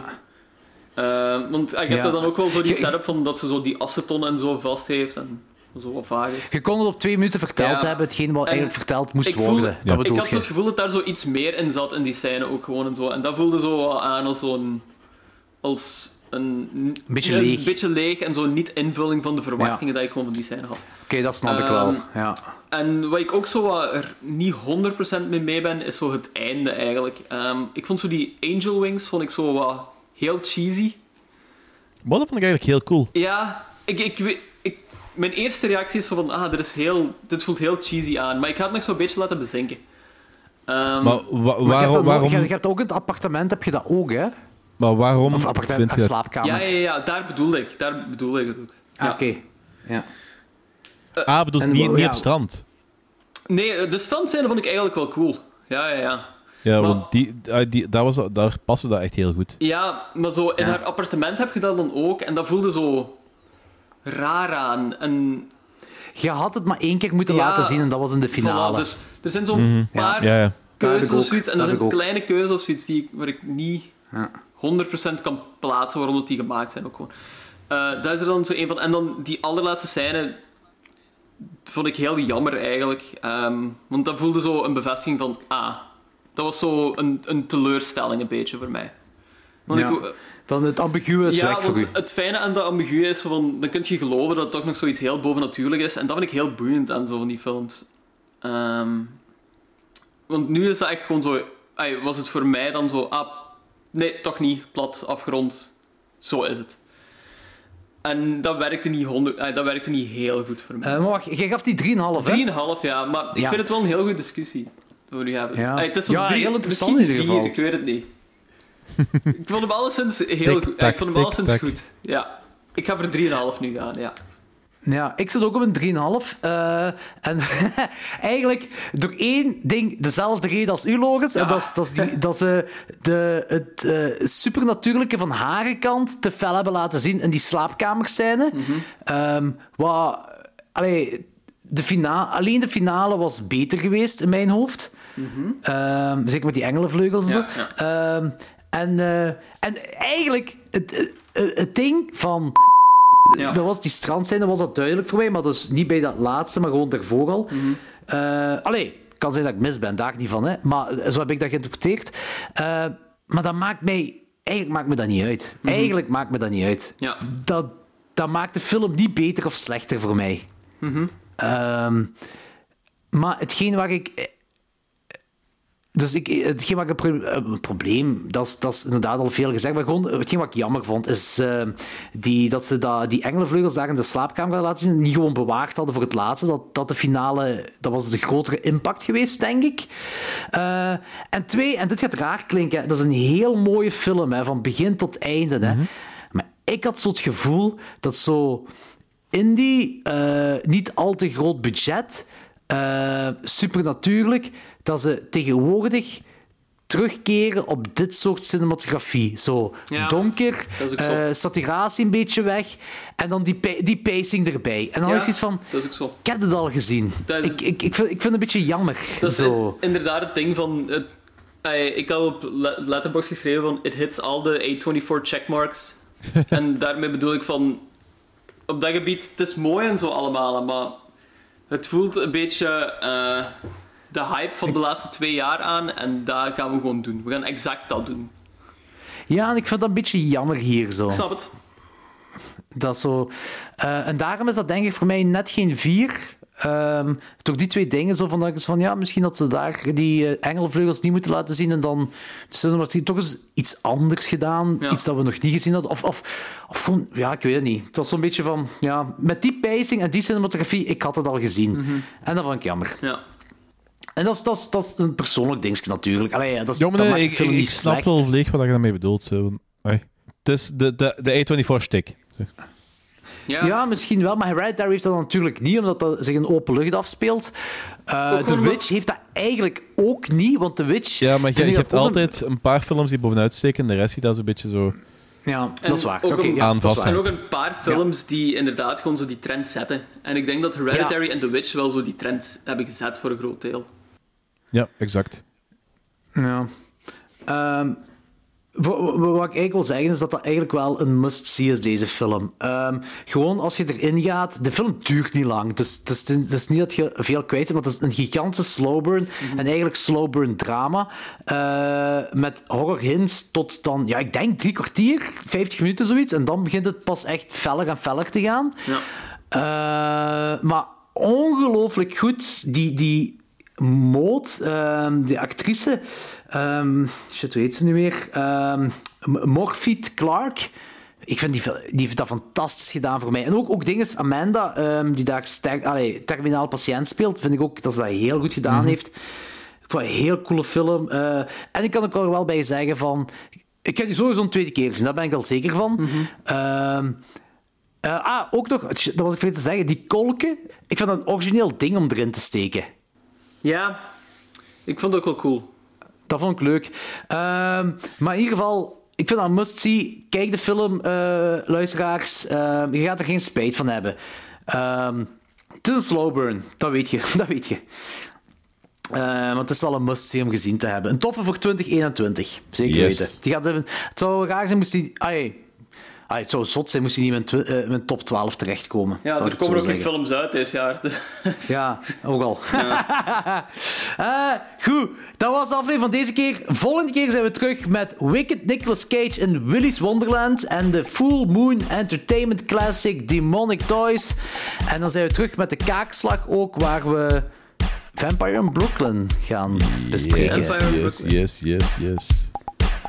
Goed, Alright. dat was het voor deze keer. Tot volgende week. Cheerio. bikes Bikers. Chokers Bikes. Chokers Bikers.